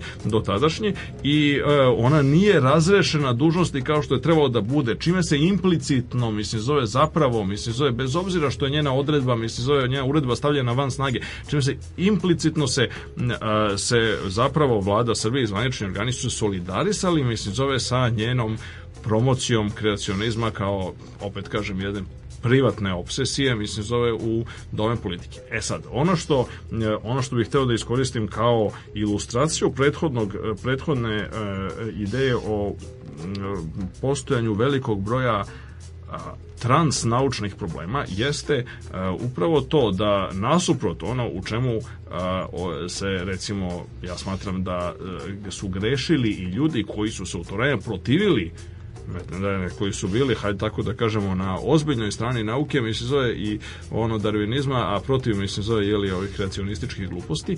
Dakle, e, ono što je, e, znači ono čemu su grešili jeste ideja da se ministarkin argument da je evolucija samo teorija, e, zapravo objašnjava na taj način što se njemu povlađuje i onda, i onda ljudi kažu, mislim, zove, ne, nije samo teorija a to rezultuje iz nerazumevanja ne samo funkcije teorije u nauci, nego razumevanja tome čemu nauka služi. Ako nauka služi, znači ako bismo mi dalje e, uživali u nekakvoj e, staroj viktorijanskoj ili pozitivističkoj ideji da nauka služi otkrivanju istine, onda taj argument kao i eventualni kontrargumenti imaju smisla. Onda zaista možemo kažemo, eto, teorije, evolucija je samo teorija, a mi treba da otkrijemo pravu istinu, ovo govorim ironično, a ovi drugi će kazati ne, evolucija je prava istina zato što A, B, C ide. Ali Cijela ta rasprava je, je zasnovana na pogrešnim premisama. Nauka služi objašnjavanju fenomena. Šta zapravo objašnjava fenomene? Pa objašnjavaju naučne teorije. Shodno tome, ako evolucija treba da bude u kurikulumu, ona treba da bude zbog toga što ona pruža najbolje postojeće objašnjenje posmatranih fenomena u živom svetu. Prema tome, baš zato što je evolucija teorija, baš zato nju treba izučavati u školi. A ne e, zbog e pa toga, tu... mislim, ne zbog no. Da. toga što mi pretendujemo da je evolucija nekakva metafizička istina pogotovo ne istina sa velikimi, jer onda zapravo ja lično mislim da smo mi isti kao kreacionisti, mislim zove, ili isti kao ljudi koji promovišu, e, opet kažem, razlikujući privatno, razlikujući religiozno osjećanje kao privatnu stvar pojedinca, ali koji promovišu organizovanu religiju, mislim zove, kao nosioca, mislim zove, nekakvih, mislim zove, ono, društvenih ideja, saznanja, političkih pokreta i tako dalje, što ja mislim da je apsolutno ostatak i, i ono, arhaični relikt srednjeg veka. E, dakle, što naravno, apsolutno ništa ne govori, mislim zove, o svačim privatnim religijskim uverenjima. Niko ne smeta, ono, gospođi ministarke Čolić nije ograničavao, mislim, zove da ona ovaj, privatno smatra šta god hoće, mislim, zove o tome da li je Bog stvorio sve šest dana ili je bio u pitanju veliki prasak i, ne znam, Darwinova teorija evolucije i tako Međutim, problem je nastao onda, mislim, zove kada je ona te svoje privatne stvari ovaj, krenula da, o, da predstavlja i zloupotrebljava svoju funkciju na kojoj se nalazi, da predstavlja, mislim, zove kao nešto što treba da utiče na društvo i nešto što treba da se nameće drugim ljudima. A poenta jeste u tome da dakle mi ne možemo odgovoriti, ne postoji naučni odgovor na pitanje šta treba da se uči u školama. Da li darvinizam ili kreacionizam? Zato što na kraju krajeva to jeste do da društva da odluči. Nauka može samo da kaže sledeće. Ako vi učite darvinizam, onda imate šanse da budete na primer u, u najmanju ruku mi se zove da razumete značajna dostignuća savremene biologije, posebno molekularne biologije i biotehnologije koje se dešavaju u svetu dok mi ovo pričamo. Pa, I imate da šanse šanse da učestvujete, da, da učestvujete u tome i imate tako šanse je. da poboljšate ultimativno e, život društva i uslove života i tako dalje.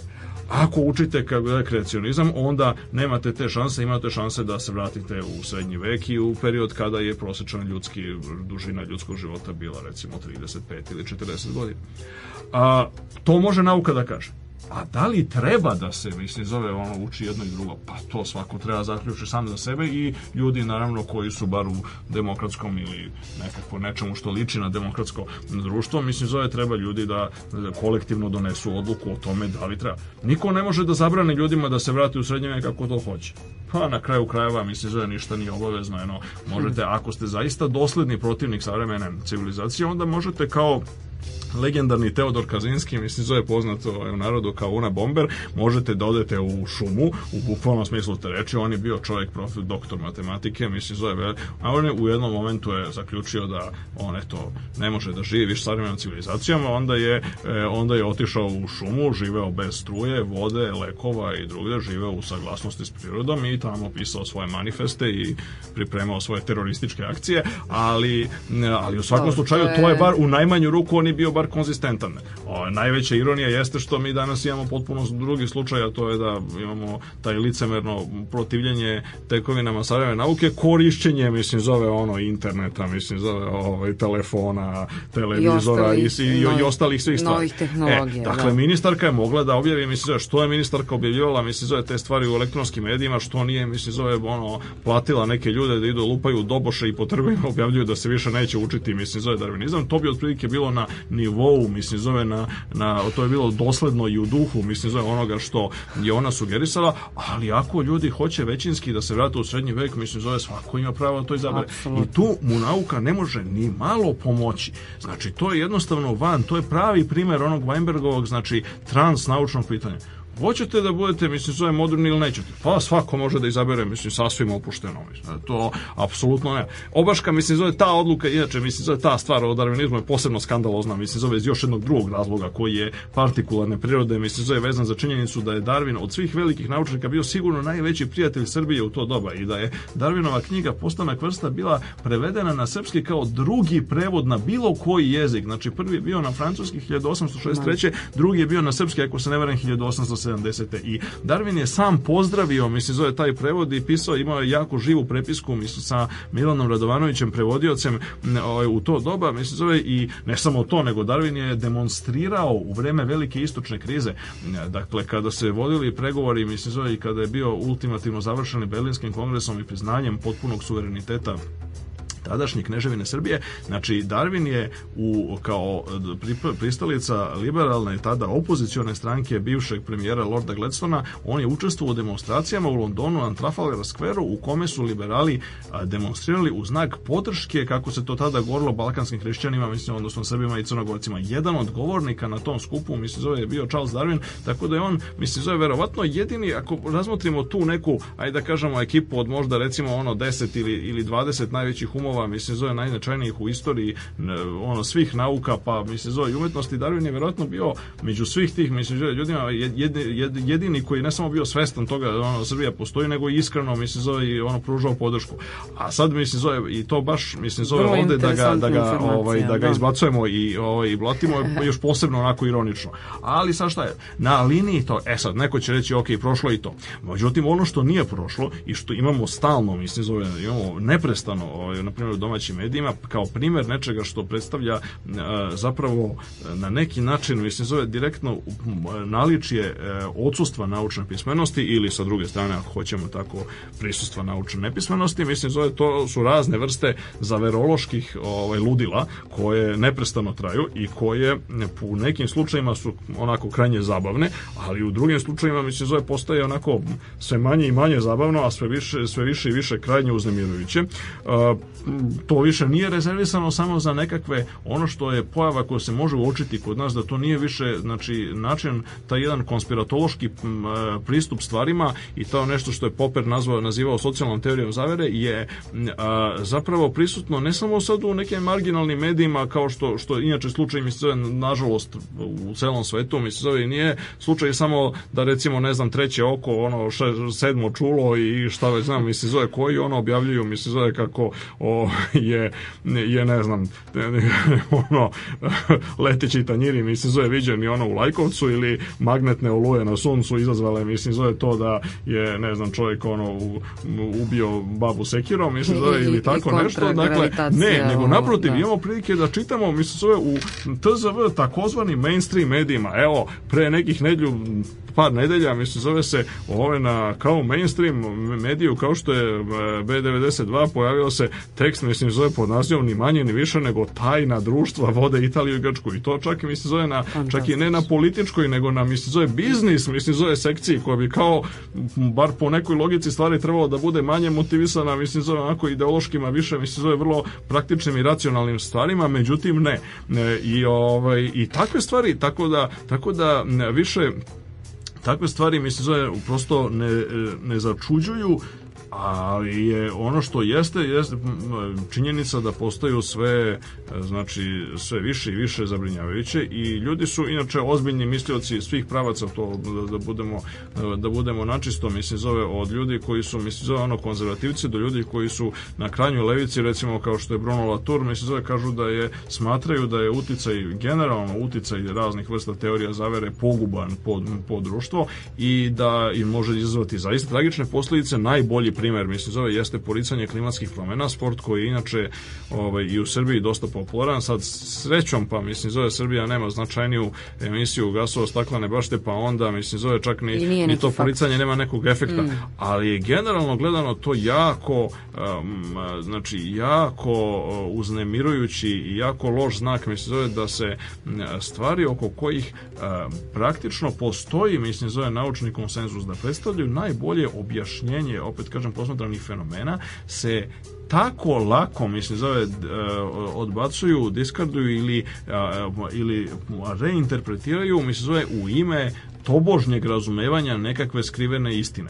Znači, to je ista stvar koju smo izbacili iz nauke, mislim, zove sad on se vraća sad, mislim, zove na, na opačke i u nakaradnoj verziji, mislim, zove koja je predstavlja uh, neki od interpretatora bi rekli, kao na primjer Popper ili Richard Hofstadter, da zapravo to predstavlja ove, ovaj, neku vrstu a, žala, mislim, zove za tom izvesnošću srednjeg veka, mislim, zove žala što je, što bi Niče rekao, Bog mrtav, mislim, zove, pa u tom smislu reči je prestalo, prestala, prestala je da deluje ona strahovita dogmatska stega, mislim, zove, koja je držala, mislim, zove, e, društva srednjeg veka u koherentnoj celini, mislim, zove, u ime, ili dominantnog religijskog diskursa, e, pa sad je potrebno to negde prebaciti drugde, mislim, zove, pa će, recimo, to biti, mislim, zove, ono, umesto sveznajućeg i svemoćnog, ono, Vatikana, strana, to će biti, mislim, zove, ne znam, masoni, iluminati, mhm, bilderbergeri i tako dalje. Ono što je posebno uznemirujuće, mislim, zove, u okviru tog, e, znači, tog, tog antinaučnog diskursa, jeste ono što je, recimo, Michael Barkun, koji je veliki savremeni sociolog, nazivao fusion paranoja.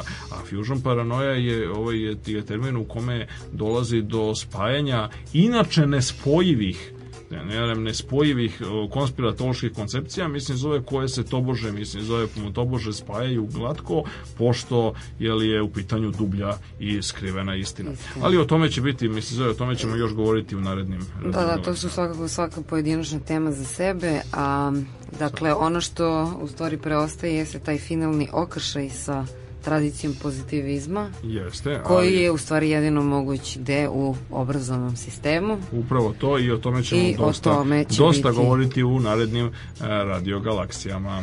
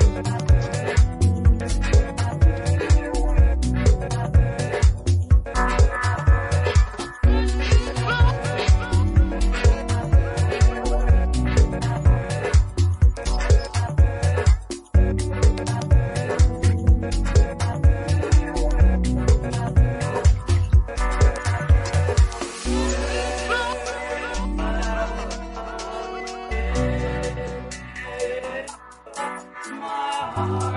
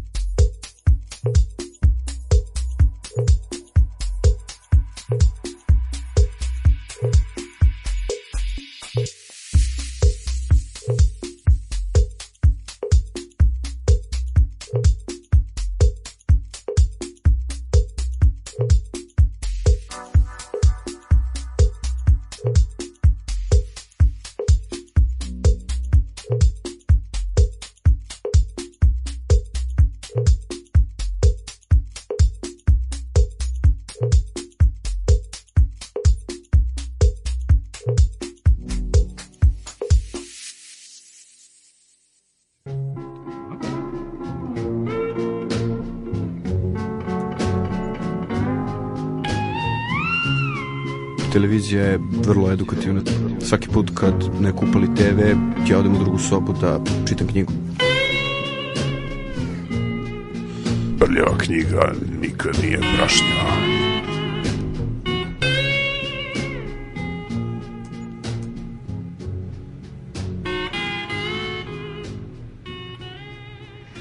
I polako stižemo do poslednje rubrike čuvene rubrike, jedan pisac, jedna knjiga. Jeste.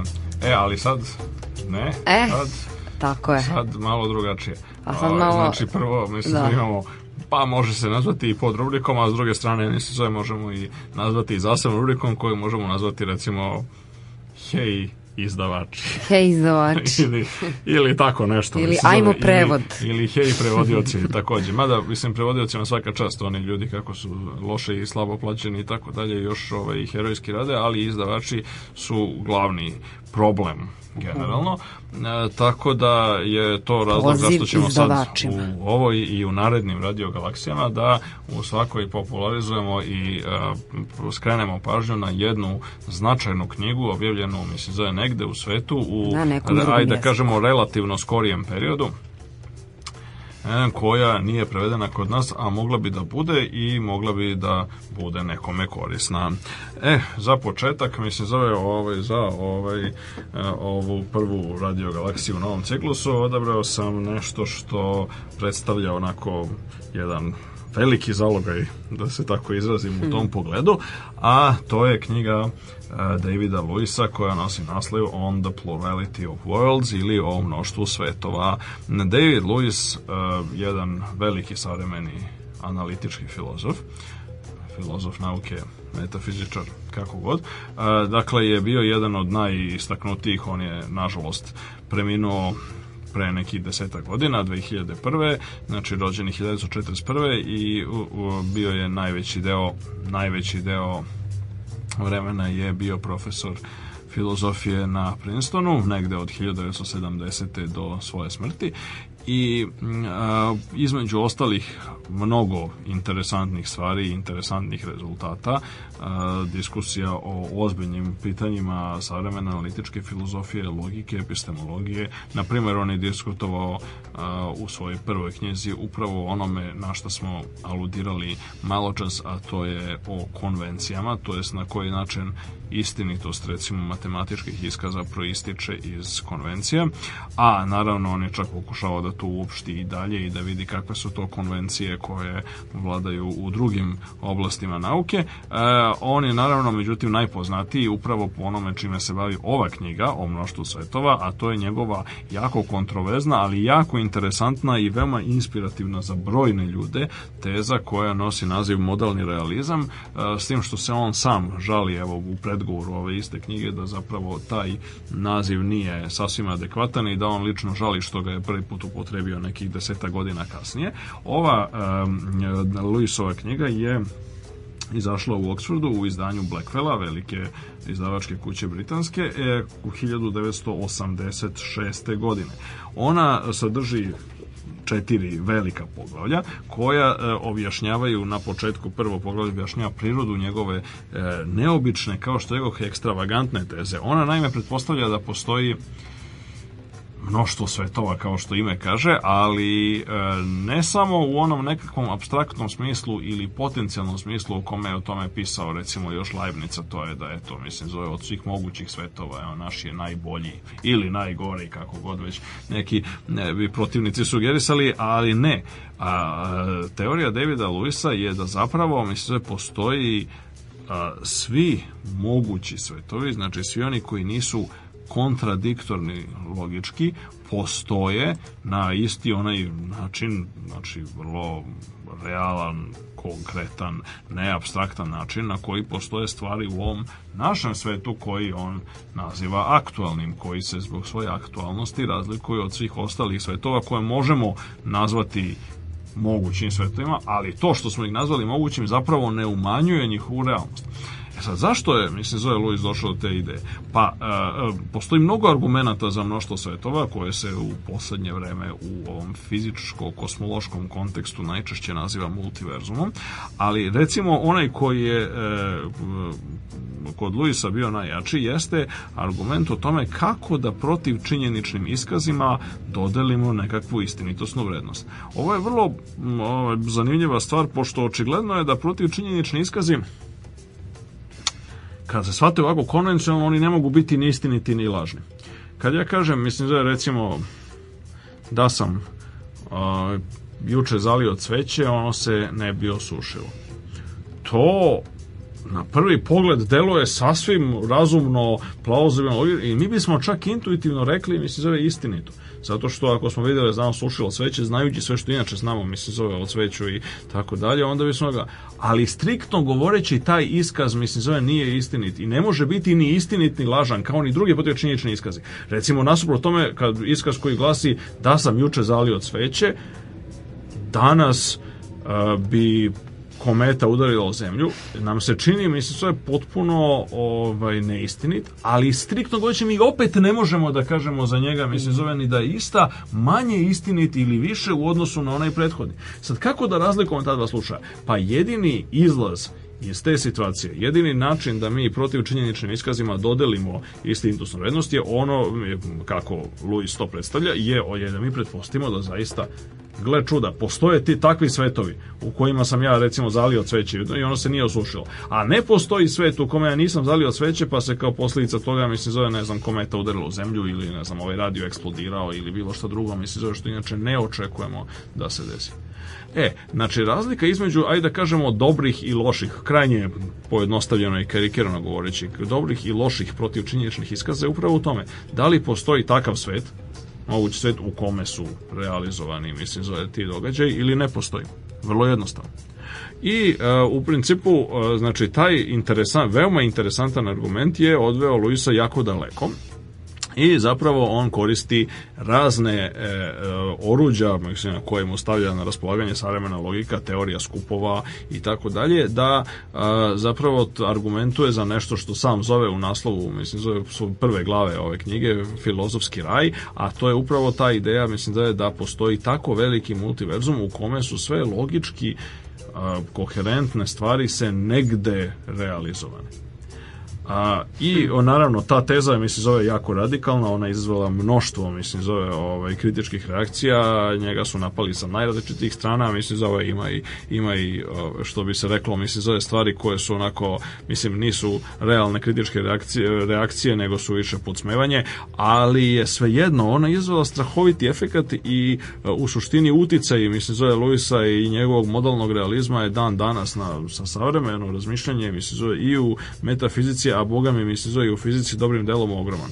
Tako da... A najviše u, u, noč, u naučnoj fantastici. E pa takođe, naravno, mislim, naravno, naravno, mislim, da. Tako da je sve u svemu, mi se zove recimo ova knjiga the Plurality of Worlds koja se znači bavi, kao što rekao, mi se zove krajnje, abstraktnom i teškom temom, ali je napisana na jedan uh, lep način koji bi zaista uh, bio po mom dubokom mišljenju od velike koristi, mislim, zove ljudima koji su zainteresovani za savremena dešavanja, mislim, zove, ili relativno savremena, ajde kažemo, poslednjih četvrt veka, mislim, zove u ozbiljnoj analitičkoj filozofiji i stvarima koje su dotiču nje, kao što su epistemologija, logika, mislim, zove savremena moderna analitička metafizika i druge stvari, znači, bio jako dobro došao. Tako da, kako bi se reklo, mislim, zove, ovaj, izdavači, izdavači i prevodioci mogu da porazmisli o tome. E, naravno, mislim, zove drugi, e, u drugom aspekt druga knjiga koju ćemo preporučiti e, je danas, je ona koja postoji u domaćem prevodu i to je dobro zato što je original napisan na poljskom koji, e, uprkos tome što je Poljska velika evropska nacija, ipak je relativno egzotičan jezik za znanje, tako da je u tom smislu, mislim, zove jako mali broj ljudi koji, nažalost, mogu da uživaju u ovom remek delu svetske književnosti u originalu, a pošto smo prvu dakle prvu radio galaksiju, znači u prvom pre, ciklusu. Ne, u, neki, u prvom ciklusu pre nekih ono tri godine, znači u, eh, u jesen 2008. Eh, posvetili eh, Stanislavu Lemu i njegovom tada, mislim, njegovom romanu Fijasko.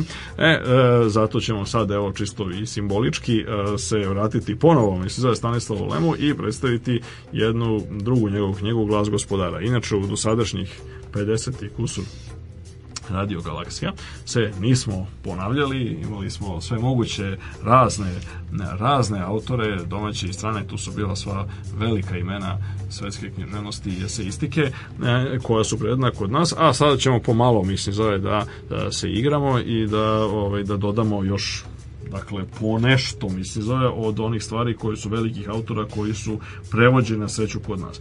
Glas gospodara je originalno napisan 1968. godine. Znači, to je bio period hladnog rata u kome je i, i ta e, vrsta atmosfere hladnoratovski i tekako, mislim, zove se manifestuje u ovoj knjizi, ali osnovna tema je nešto sasvim drugo, a to je problem kontakta ili e, prepoznavanje kontakta, mislim, zove sa bitno drugačijom vrstom inteligencije. To je obsesivna Lemova, tema koju se on na neki način vraća od celog života i koja je prisutna u svim drugim njegovim glavnim delima kao što su Solaris nepobedive i već pomenuti Fijasko, manje poznati Eden ili Raj, e, a e, glas gospodara u originalu Gloss Pana na, na poljskom u engleskom prevodu Masters, His Master's Voice je dakle objavljen originalno 68. E, preveden je, na nemački, mislim zove prvo, mislim zove negde um, Aha, znači odmah pa ne, ne, ovo je ovo je ovaj prevod koji imamo ovde je prevod sa poljskog koji je uradio Petar Vojičić, jako dobar, lep prevod koji je u legendarnoj biblioteci Kentaur a, dakle, izdao izdavački zavod Jugoslavija, Beograd, leta gospodnjih 1978. E, I tu smo imali, mislim, zove, tu smo imali, znači, to samo pokazuje, znači, i uze budi rečeno, apsolutno je divno videti u impresumu ovakvu stvar, znači, u apsolutno abnormalnom tiražu od 8000 primjeraka, da, da, mislim, zove, koji e, je, koji je razlog zašto, mislim, zove, mi danas i mnoge knjige iz ove slavne biblioteke Kentaur a, možemo da pronađemo po antikvarijatima, zato što, mislim, zove, jednostavno taj, ti tiraži su bili jako veliki i do njih se lako moglo doći. Dakle, urednik Ivan V. Lalić i mi se zove recenzent Žika Bogdanović su uradili ovde jako lep posao. E, dakle, ova knjiga je znači, 78 prevedena kod nas, što uzre budi rečeno, mislim zove čak nekih pet godina pre pojave engleskog prevoda koji se desio tek 1983.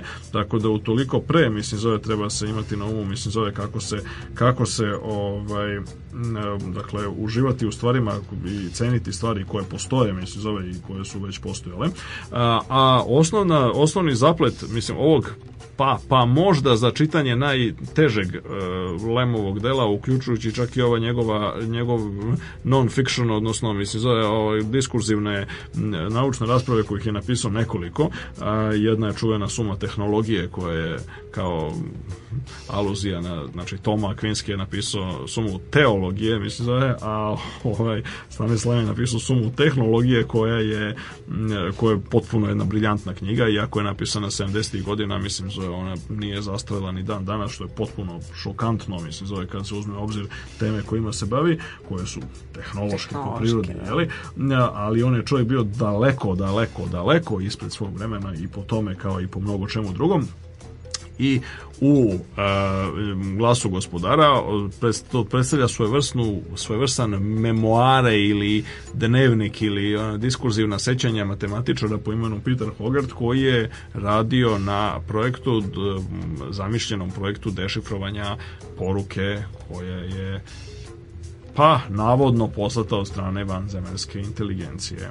Kažem navodno zato što e, e, zapravo nikada nije ona zapravo nije uspešno dešifrovana i to se objavljuje na samom početku, znači na neki način tu nema neke ne, nema te vrste misterije u smislu ono, ubica je sobar leši u ormanu, koju bi čovjek očekivao, naime na početku je na početku već je, je prilično jasno, mislim zove i čak i izdavač mislim zove memoara profesora Hogarta to naglašava, da je zapravo e, e, projekat doživeo neuspeh.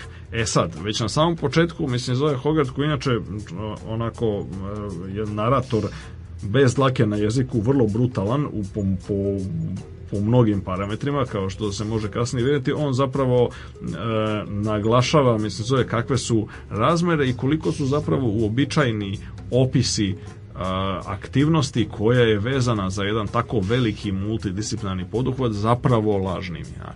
I koliko je ta ideja o tome, mi se zove da eh, smo, da se mi eh, približujemo, mi se zove nekakvoj istini, jeli? I to je, to je ono što čime se na neki način Lem podsmeva, mi se zove u celom ovom, ovom romanu i to je nešto što se uklapa u na, našu današnju temu, zapravo nešto što predstavlja onako čisto fasadu PR proizvoda od mislim pa zove pa, dakle je... nečega što, što je što je manje više mislim zove na medijskom i, i verbalnom nivou. Tako da za sam kraj mislim zove jedan može jedan kratak odlomak iz sam iz prve glave dakle naglašavam mislim zove glasa gospodara.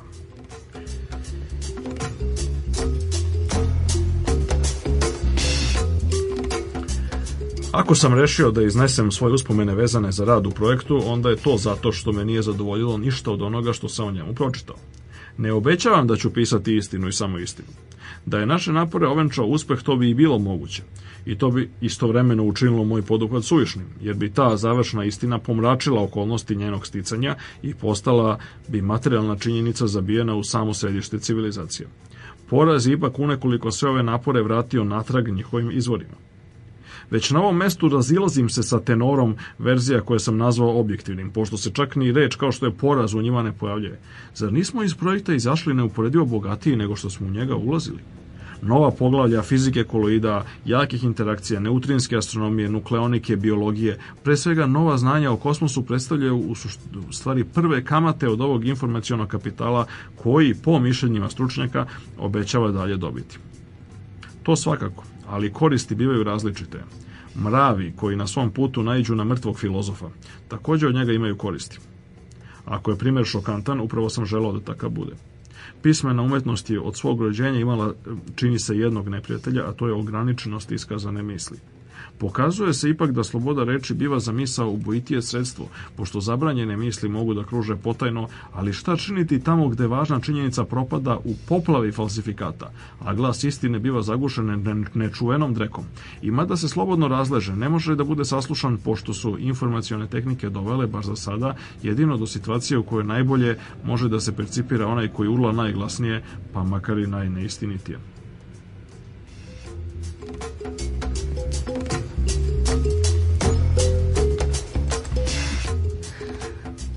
slušalci, bila je to prva epizoda Radio Galaksije u ovom drugom serijalu, ciklusu, sezoni, kako god. Mm. Sledećeg četvrtka od 4 do 6, umeđu vremenu posetite sajt Centra za promociju nauke, informišite se da vidite šta se dešava na naučnoj sceni uh, u, u Srbiji, a možete i da preuzmete ili preslušate ponovo koliko niste pažljivo, e, Radio Galaksiju e, na stranici Radio Galaksije na sajtu Centra za promociju nauke kao i Radio Galaksija arhiva grupa na Facebooku je i dalje aktivna i tamo će se takođe naći link za podcast. A to bi otprilike bilo to za danas. Hvala na druženju. Hvala Milana. Do slušanja. Prijetno.